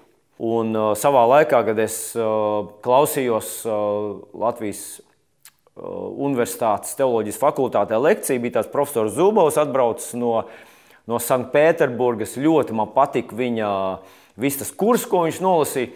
Tad tā galvenā doma, viena no domām, kur viņš ļoti vispusīgi pierādīja, bija tā, ka visas pasaules tautas apzinās savu grēcīgumu un dievu svētumu.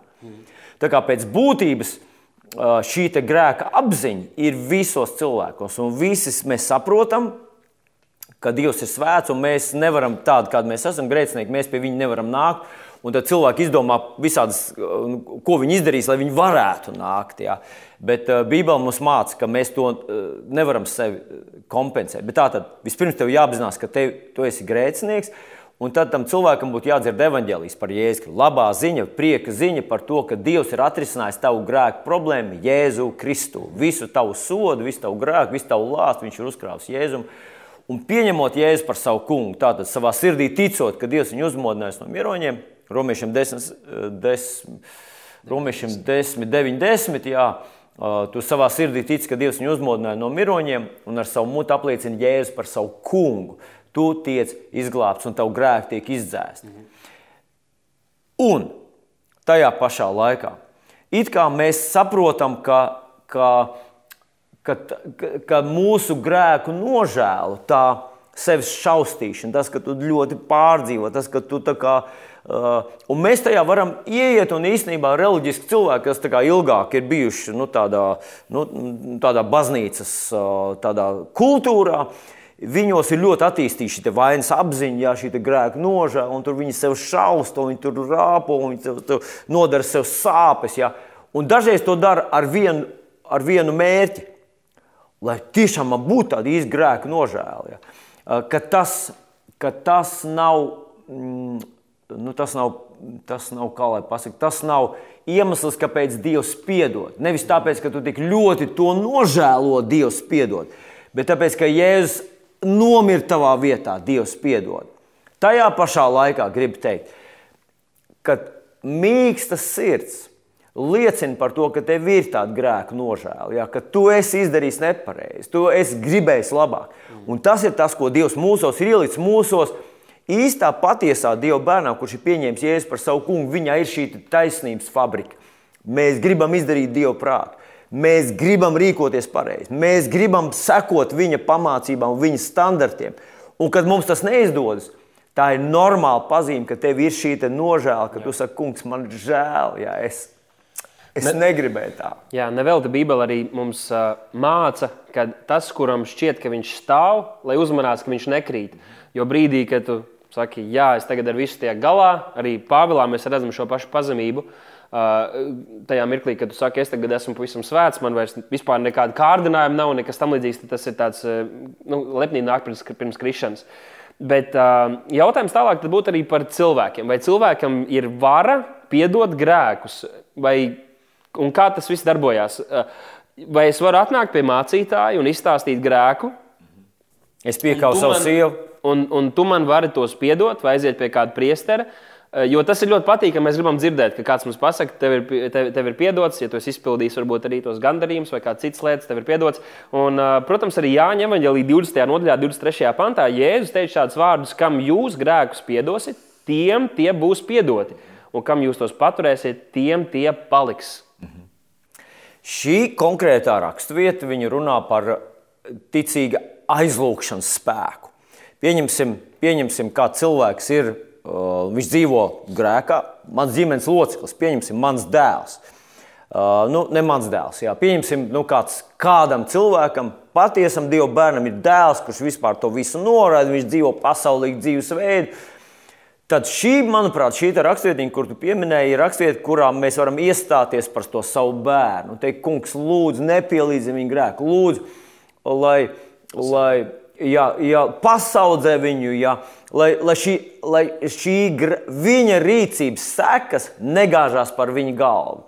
Un mēs varam ir, to ietekmēt. Tas ir šeit tādā laicīgajā izpratnē, nevis uh, dievu, dievu priekšā mūžīgos grēkus. Jā, tu tādā veidā nevari izglābt cilvēku, bet Jā. tu vari atlikt tā grēka seku gāšanos par viņu ja, kaut kādu laiku. Kaut tajā, tajā pašā laikā mēs redzam, ka Pāvils kādā vietiņā taisnība otrādi. Ja, viņš saka, ka uh, mēs noņemam šo dieva apsardzību. Tieši tāpēc, lai cilvēks saprastu, ko viņš ir sastrādājis un, un ceļus, kuriem viņš iet.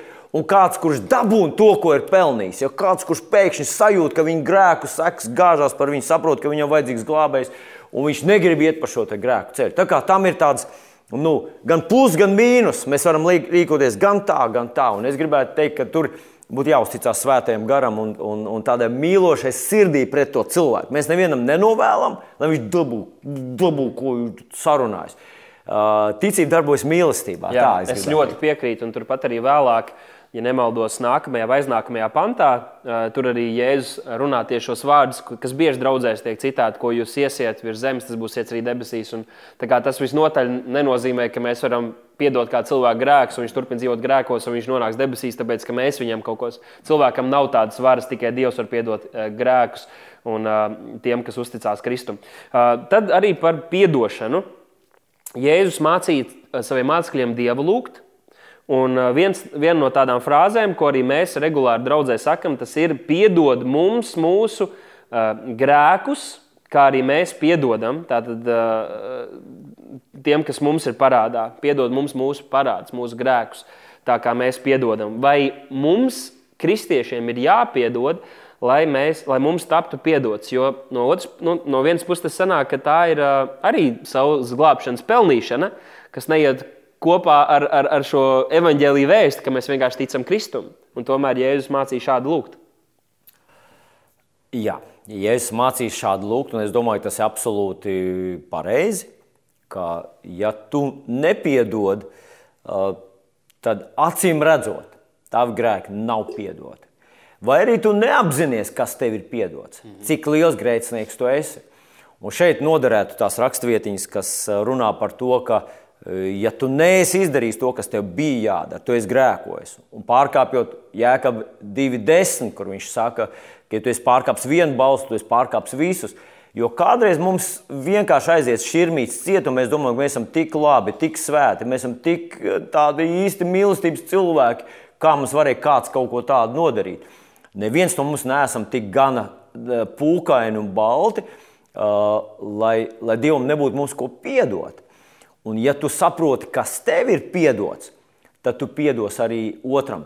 Vienalga, kas arī, ko arī viņš nebūtu izdarījis, jo tavu grēku, tas, kas ir piedots tev, ir nesalīdzināms vairāk nekā tas, kas, ir, eh, kas tev ir jāpiedod. Jā, un Jēzus stāstīja arī šo līdzību par, par kādu cilvēku, kuram bija parāds, eh, nu, kam kāds bija parādā pavisam nedaudz, bet viņam pašam bija ļoti liels parāds pret viņa kungu. Jā. Un tad, kad viņa kungs uzzināja, ka viņš nav šo parādu nomaksājis, viņš gribēja viņu sodīt, bet šis cilvēks izlūdzās atdošanu. Un viņam tika piedots, bet viņš pēc tam aizgāja un neparādīja šādu pašu žēlastību šim cilvēkam, bija parā, kas bija parādā viņam. Un tā rezultātā, tāpēc, ka viņš nepiedeva tam mazākajam kādam, kas viņam bija parādā, viņš tika sodīts mūžīgi. Un tā kā šeit e, e, ir ļoti, ļoti svarīgi, ka mēs patiesi atzīstam to, žēlastību, kā Dievs mums ir parādījis, un tad mums ir viegli piedot citiem. Un, cilvēki, un kristiešiem nevajadzētu būt tiem sarūktā, sarūktinātiem podiem, kas visu laiku ir apvainojušies un sāpināti un nepiedevuši bērnības draugiem un vecākiem un tā tālāk, jo mums ir tik daudz piedots. Mēs esam bijuši tie lielākie eh, parādnieki, noziedznieki, un tādēļ, ka mums ir piedots, mums ir viegli piedot citiem. Un, ja tev ir grūti, tad tev ir problēmas ar tavu sirdi, un tev ir tiešām jāiet Dievu priekšā, jāatzīst, cik tev pašam ir daudz piedots un, un jālūdz par to, lai, lai tavs sirds atlaiž to vaļā. Un, protams, ka ir dvēseles dziedināšana vajadzīga un tam līdzīgas lietas. Bet, jā.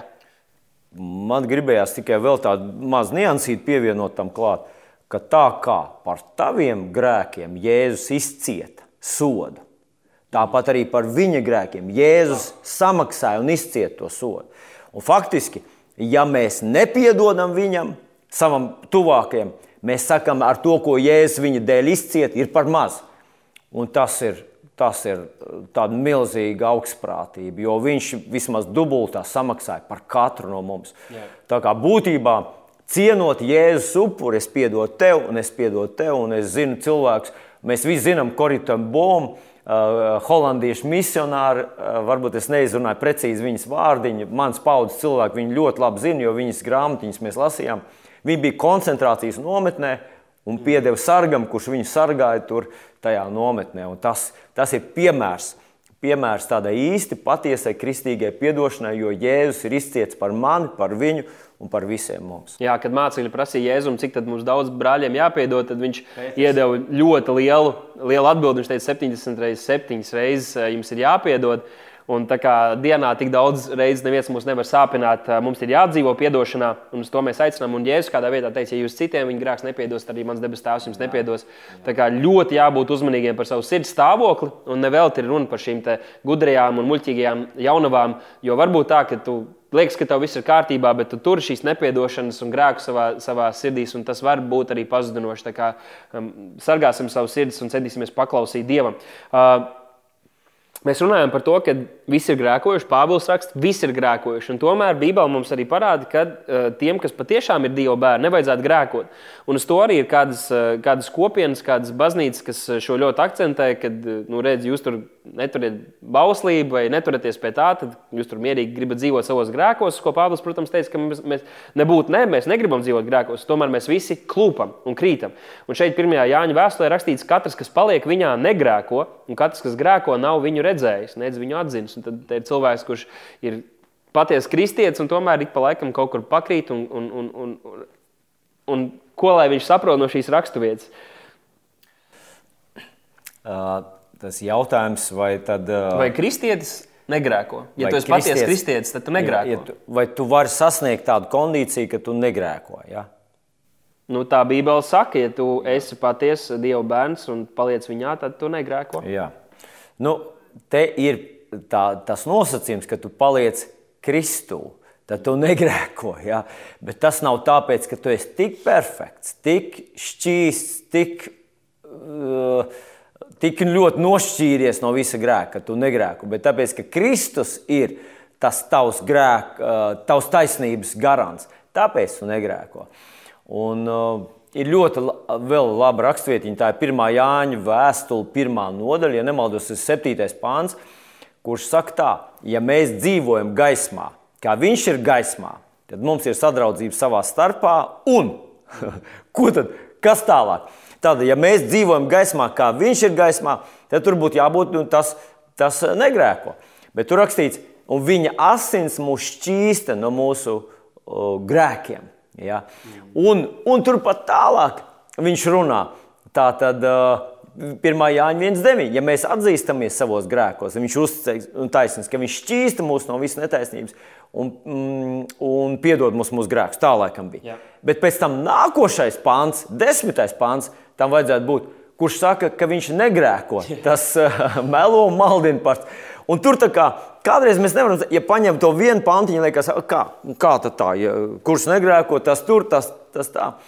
Manuprāt, ļoti vienkārši viņš saka, ja mēs dzīvojam dzīvās attiecībās ar Kristu, ja mēs staigājam viņa nopelna gaismā, viņa darba gaismā, viņa glābjošā darba gaismā, tad viņa asins mūs automātiski šķīsta. Jā. Tajā pašā laikā, kad mēs esam izdarījuši kādu grēku, mēs to apzināmies, Tas ir normāli. Tas ir normāli. Redziet, tās ir attiecības ar Dievu, kas saka, kungs, man ir žēl, ka esmu to izdarījis. Jā. Ka tu apliecini to, ko Dieva vārds saka. Tā nebija pareizi. Tavs vārds saka, ka tas ir grēks. Un, un es esmu jauns radījums Kristu, es esmu miris grēkam. Tu kā apliecini tos pašus Kristus vārdus, tas šķīsta man dvēseli. Es gribētu pat teikt, ka tas ir manis dēļ, man to vajag, lai man sirsniņa paliek atvērta, lai tā paliek jūtīga, lai es palieku uz, uz tā dieva ceļa. Ja? Man vajag šo grēku atziņu, un tajā pašā laikā es apzinos, ka es neapzinos savu nomaldīšanos. Gluži, kā psalmos Dārvids raksta, kurš gan apzinās savu nomaldīšanos. Ja? Mēs visi domājam, ka mēs pareizi. Nu, nu, paskatieties uz mums mācītājiem. Brīžiem Tu paklausies kaut kādā citā draudzē, kāds masē savus cilvēkus, un tu domā, ak, Dievs, ko viņš dara? Viņam vajadzētu pilnīgi otrādi runāt. Bet viņam ir tāda pārliecība, ka viņš dara pareizi. Jā, un galotiešiem 5.16 arī Pāvils saka, staigājiet garā, tad jūs miesas kārību savaldīsiet. Un tas man liekas, ka ļoti labi iet kopā ar to, ko tu arī teici. Uh, par to, ka, kā, kā mēs varam negrēkot, kā mēs varam dzīvot svētu dzīvi, kas nav pat mūsu pašu spēkā. Un Pāvils teica, ka tad, kad man kaut kas labs ir sanācis, tad tas nevis es esmu darījis, bet Dieva žēlastība, kas darbojas caur mani. Jā. Un tā kā mēs staigājam garā, kad mēs koncentrējamies uz, uz viņu, kad mēs paliekam viņa vārdā, tad mēs patiesi varam dzīvot svētas dzīves. Un tomēr, kad mēs kaut kad pakrītam, tad mums ir iespēja saņem šo žēlastību. Un mēs piedošanu. pakrītam, mēs, pakrītam. mēs dzīvojam šajā grēcīgajā ķermenī, mēs aizvainojam cilvēkus, mēs sāpinam cilvēkus. Mēs to vispār nepamanām. Mēs gājam savā taisnības, paštaisnības tankā, braucam pāri cilvēku dvēselēm. Un viņiem tas sāp. Un viņi savukārt mūs sāpina un pat nenojauš to. Un tāpēc eh, tu jau nedaudz tam pieskāries par eh, šo te nu, savu grēku atzīšanu, izsūdzēšanu. Eh, Jā, ka vēstulē ir teikts, lai mēs izsūdzam cits citam šos grēkus. Bet Cik svarīgi kristiešu dzīvē ir šī grēka nožēla? Ir kādi, kas saka, tev ir jānožēlo katru šo savu grēku, un tikai tad Kristum tev jāpiedod, tev jānāk pie viņa un, un jāpiedod. Tu teici, ka tā atdošana nāk automātiski savā ziņā, kad mēs esam Kristum. Uh, nu, tas, kā, tas, kā es to skaidroju, Eh, cilvēkiem par šo grēku nožēlu ir, ka Kristus ir vienreiz miris par visiem grēkiem, par to, ko es izdarīju agrāk, un arī ko es izdarīšu. Jo es esmu dzīvojis šajā miesā, un es nemaz neuzdrīkstos domāt, ka es varētu dzīvot nu, simtprocentīgi, piepildīt Dieva gribu, lai gan es ļoti, ļoti to vēlētos. Tad es klupšu un kritīšu, un Jēzus teica saviem mācekļiem, ka, ja, ja, ja mani vārdi ir jūsos, tad nevajag, ka jūs visus mazgāt, bet tikai jūsu kājas vajag mazgāt, jo jūs paši esat mazgāti un tīri, bet kājas jūs pa šo pasauli staigājot, tās, tās sasmērēsies, aptraipīsies, un tur, tur šī mazgāšana ir nepieciešama. Bet tas, kā es redzu par šo grēku nožēlu, lūgšanā un savu atzīšanu, ir tas, kas notiek cilvēka sirdī.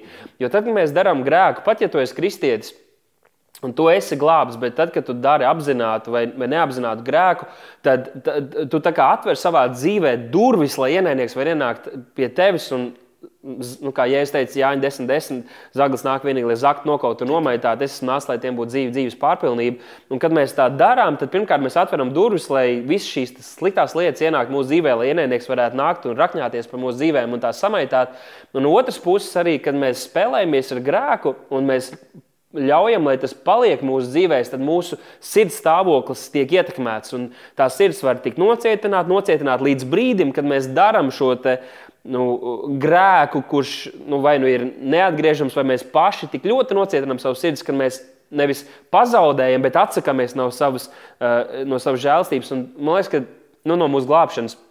Un tādu piemēru arī ir dzirdēta. Mums ir zināms, cilvēki, kas bija ļoti dega par Kristu un bija piepildīti ar Dieva vārdu, bet tad pēkšņi viņi novērsās un aizgāja pavisam Eh, publiski to pasakot. Ienīstot dievu un draugu un to visu zaimojot. Un kādam varētu likties, ka tas notika pēkšņi, bet tas nenotika pēkšņi. Tas notika ar grēku, kas bija viņa sirdīs, kas netika nožēlots, kas netika celts gaismā. Kā Efeziešu vēstulē teica, ka viss, kas tiek celts gaismā, tu apspīd gaismu, tas kļūst par gaismu, tas, tas nevar pastāvēt. Kā, to var salīdzināt ar tādu lielu kuģi vai titāniku. Kā, cilvēks, kurš ir pilnīgi nodevies dievam, viņš nevar pēkšņi pagriezties otrā virzienā. Jā. Tas notiek pamazām, pamazām. Un daudz cilvēku to var neredzēt, bet tas tik un tā var notikt līdz mirklim, kad viņš pats atsakās no savas ticības. Tātad, vai uh, mūsu glābšana ir atkarīga no tā, ka mēs nožēlojam katru konkrēto grēku, ko esam paveikuši? Pilnīgi noteikti nē, jo mēs pat neapzināmies visus savus grēkus. Jā. Uh, bet vai ir nepieciešams šos grēkus nožēlot? Pavisam noteikti, jo tas ietekmē mūsu sirds stāvokli un to, ko mēs spējīgi saņemt no Dieva. Precīzi, jā. Uh, bet labi, kāpēc te ir rakstīts, izsūdziet cit, citam savus grēkus? Tad nu, jākam 5, 16. Jā, nu, manuprāt, runā, runa ir par divām kategorijām. Tā pirmkārt ir tā, ka es esmu kaut ko pret tevi darījis. Jā. Mūsu attiecībās ir kaut kas tāds, ko esmu sāpinājis. Ir ļoti normāli, ka es tev palūdzu. Ja, tā, man tur sagadījās, piedod, es tur toreiz biju šādā un tā. Es atvainojos par to. Tā ir tajā mirklī, kad es esmu to izteicis, bumbiņa tavā laukumā. Esmu brīvs. Jā. Tu pat vari man nepiedot. Ja?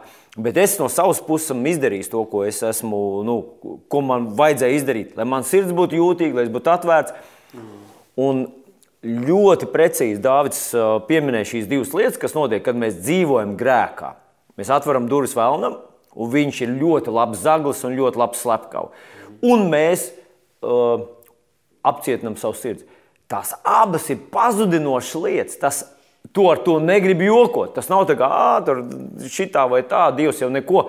Uh, tās ir nopietnas lietas, un mēs to negribam darīt. Un tāpēc es gribu izlīdzināties. Atcerieties, ja tu esi atnācis upurēt kaut ko, un atceries, ka tavam brālim ir kaut kas par tevi. Izlīdzinies.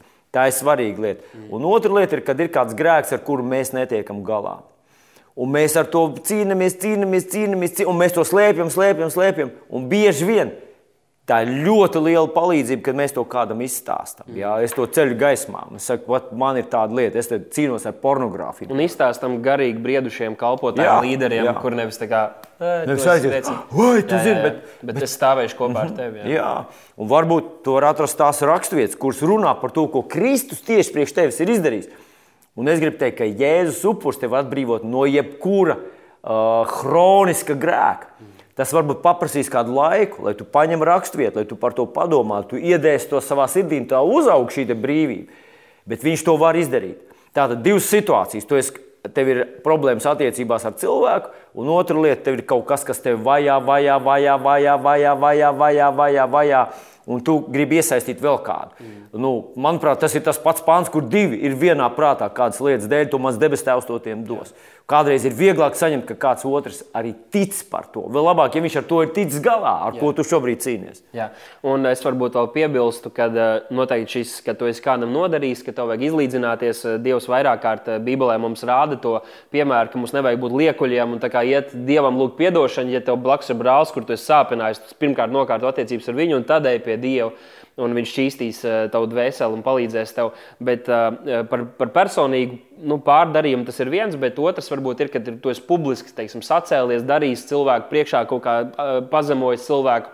Tādā gadījumā, protams, pareizāk būtu arī šo atvainošanos, nožēlu arī paust publiski to pašu cilvēku priekšā, nevis tā kā personīgi. Visu priekšā tu par viņu paņirgājies, bet pēc tam tu aizsūti īsiņā, ka tev ir žēl. Tas nebūtu pareizi. Un šeit daži jautājumi, kas tika iesūtīti par šo tēmu no, no mūsu klausītājiem. Un šeit Mārcis raksta, Cik liela, cik liela ir jābūt tolerancei, redzot, ka brālis vai māsa turpina pastāvīgi grēkot? Viņš saka, ka uh, kad, uh, ir, ir, ir redzēti piemēri, kur, kur draudzēs cilvēki ir ļoti liberāli dzīvesveidu piekopju un arī uzskatus. Uh, mēs tā ļoti kompakti varētu atbildēt uz šiem dažiem jautājumiem. Nu, Pēters uzdeva to pašu jautājumu. Cik reizes man jāpiedod jā, cilvēkam? Nu, Jēzus teica viņam 77 reizes, 7 reizes. Tas ir bez nosacījuma. Cilvēkam ir tiesības savā dzīvē darīt uh, grēku, un ir, varbūt kādam ir tāda kalpošana, kā tiesāšana, ja man tādas nav.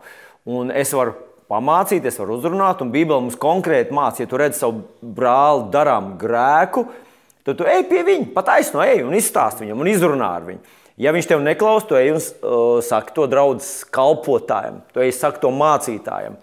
Bet tas nemaina. Mēs nekļūstam naidīgi pret viņu, nekļūstam pret viņu aizskaitināti, kaut kā nenoniecinam, nenicinam viņu. Jo pēc būtības e, kaut kas viņam traucē. Ja? Vai nu viņam nav gana ticības, vai kaut kas viņš nesaprot, vai kaut kāds vēl ir kaut kas ceļā. Ja? Un mēs varam kaut kādā mērā palīdzēt viņam, to, runājot ar viņu, lūdzot par viņu, bet mēs negribam viņu nu, pazaudēt. To. Mēs gribam viņu iegūt. Tajā pašā laikā mēs, eh, kā lai pasakā, mēs mīlam brāli un ne to grēku. Nu jā, es varbūt piekrītu daļai tam, ja Jēzus teica, ja tu redz brāli grēkojam, tad tu viņu mantos. Ja tu iesākumā acis pret aci, tad sākumā tas nav, ka tu ieraksti Instagram vai Twitterī par, par viņu, eh, bet runā ar viņu acis pret aci. Pēc tam, ja, ja tas ir kaut kas būtisks, nevis kaut kāds mazā lieta, tu, kā, redz, tu vari pavanģelizēt tam cilvēkam, bet to neizdarīji, ja, bet tas ir būtisks, nopietns grēks, kur Bībele skaidri runā, ka to nevajadzētu darīt. Eh, pēc tam tu iesaisti draugu, kāds kalpotājs, jūs runājat kopīgi, un pēc tam, ja viņš arī tad nemainās, tad, eh, tad nu, Bībele saka, ka ir pienāk, var pienākt mirklis, kad tev ir jāsaka, ok, ja tu gribi palikt grē, tajā grēkā un tu atsakies pieņemt Dieva vārdu un pakļauties tam, tad nu, šeit Jēzus saka, bet ja viņš tiem neklausās, tad saka, draudzē, bet ja viņš neklausās arī draudzē, tad tur viņi par pagānu muitnieku. Un arī Pāvils vairākās vietās saka, ok, viens ir tas, kad ir kāds jauns kristietis, kad ir cilvēks, kurš atnācis pie Kristus. Tur ir starpība. Tad, tad, tad, tad, protams, ir žēlastība un tie augļi nāks ar laiku, un tu strādā, māci viņu. Bet, ja ir kāds, kurš ir jau stiprs bijis Dievā, vai viņš ir ilgi, ilgi pie Dieva, bet viņš ir, ir nodevies kādām šīs pasaules kārības lietām, un tādā gadījumā, ja tu vienkārši turpini būt ar viņu draugs un it kā viss ir kārtībā un izliecies, ka viss ir labi, ik pa laikam varbūt pasakot, ka tas, tas nav ok, tavuprāt, ka, ka viņš tā dara, tad tu atbalsti viņu un stiprini viņā šī grāka vēlmi. Viņš domā, jā, tiešām varbūt viss ir kārtībā. Pāvils kādās vietās pateica, un tas es zinu, ka tas ir diezgan kontroversāli, bet kādās vietās Pāvils teica, ka ir, ir tādi, kas sevi jā, pat nesveicinās, pat neēd kopā ar viņiem. Un tajā pat laikā mums ir jābūt, jādara to mīlestībā. Viņš to darīja, lai palīdzētu lai cilvēkiem, lai, lai viņi atgrieztos uz pareizā pareizā ceļa, lai viņi saprastu, ka viņi tiešām ir ļoti lielā kļūdā, viņi dzīvo. Mums jābūt svētāk ar vadītiem. Mēs nevaram būt vienkārši strikti un kā, tikko mēs zinām grēku, nošķiramies no viņiem, palīdzam, ja, ja, ja tas ir mums iespējams. Bet, ja ir kaut kāds mirklis, ka mēs redzam, okay, tas ir cilvēks, kurš ir, kā, ir pie Dieva, bet viņš atklāti dzīvo grēkā un uz to mudina arī citus, tad mēs paņemam arī tādu atklātu nostāju. Šis bija ļoti zīmīgs apgalvojums. Atklāti un mudina uz to citus. Tā, viņš tā kā tā kā es dumpīju un vēl popularizē to. Tā, un, ja viņš vēl ir kalpotājs, ja, tad, tad ir šī krasā reakcija, par kuru Dārvids runā. Bet no otras puses, jo mēs tikko arī runājām par to, ka neviens nav tāds, kurš vispār ne, negrēko. Ja. Mums visiem ir kaut kāds, mēs dzīvojam grēcīgā ķermenī. Mēs, tas ir tas, kā mēs rīkojamies. Brīžiem sadusmojamies, brīžiem kaut ko izsakām, brīžiem norēģējam nepareizi. Tad mums būtībā būtu visiem jāsašķeļās, un, un ja mēs ķertos klāt un katrs bāz savu degunu un es ostītu, cik, cik liels grēks tu dari šobrīd. Ja? Mm. Bet te iet runa tieši par to, ka tas cilvēks ir vienkārši sacēlējis pret Dieva sistēmu. Ja viņš tur savā dzīvē kaut kas viņam tur kaut ko viņš vēl nesaprot, kaut ko vēl nevar, nu, teiksim, tad tas, mēs izturamies toleranti, mēs mīlam un mēs saprotam, ka mēs visi ejam no svētuma uz svētumu. Ja nākošais gads mēs būsim svētāki, tīrāki, mēs būsim nolikuši daudz lietas, kurās šobrīd mēs vēl neapzinoties vai nespējas dēļ krītam. Jā, šeit eh, Ilva raksta eh, tādu kā komentāru, ko varbūt cilvēki kādreiz saka. Ja tev ir čābīgi, tad noteikti neesi nožēlojis kādus grēkus. Nu, uh, Jēzus kādā vietā, kad viņam prasīja, kāpēc šim cilvēkam ir šī slimība, viņš teica, ne viņš ir grēkojis, bet tas notiek, lai, lai Dievs tiktu pagodināts. Tā kā nevienmēr mums vajadzētu vilkt tādas korelācijas. Nu, tātad, ja kādam ir grūti, noteikti viņš ir grēkojis, jo mēs dzīvojam šādā pasaulē, kur būs bēdas, kur būs kādas grūtības un jāiet ticībā cauri. Bet tāpat laikā mēs saprotam, ka kad arī noteikti grēks, kā mēs teicām, grēks var atvērt durvis un ka kaut kādas grūtības var nākt pār. Nu, to īņķa draugi darīja. Atnāca pie īņķa, veselu nedēļu sēdēja un domāja, visi klusēja, ja? sēroja līdz ar viņu visu laiku pie sevis funkcionēja. Ko lai es viņam pasaku, kas ir tas, kāpēc, par ko viņš ir grēkojis. Un tad, kad viņam bija iespēja, tad viņi teica, tu esi vainīgs, tu esi izdarījis to un to, un tas tev par tiem grēkiem.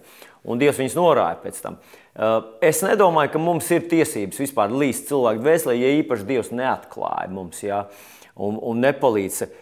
Ir iespēja dažādi iemesli, kāpēc cilvēku dzīvē kaut kas neiet, uh, neiet pareizi. Ja. Tam var būt vairāk iemeslu.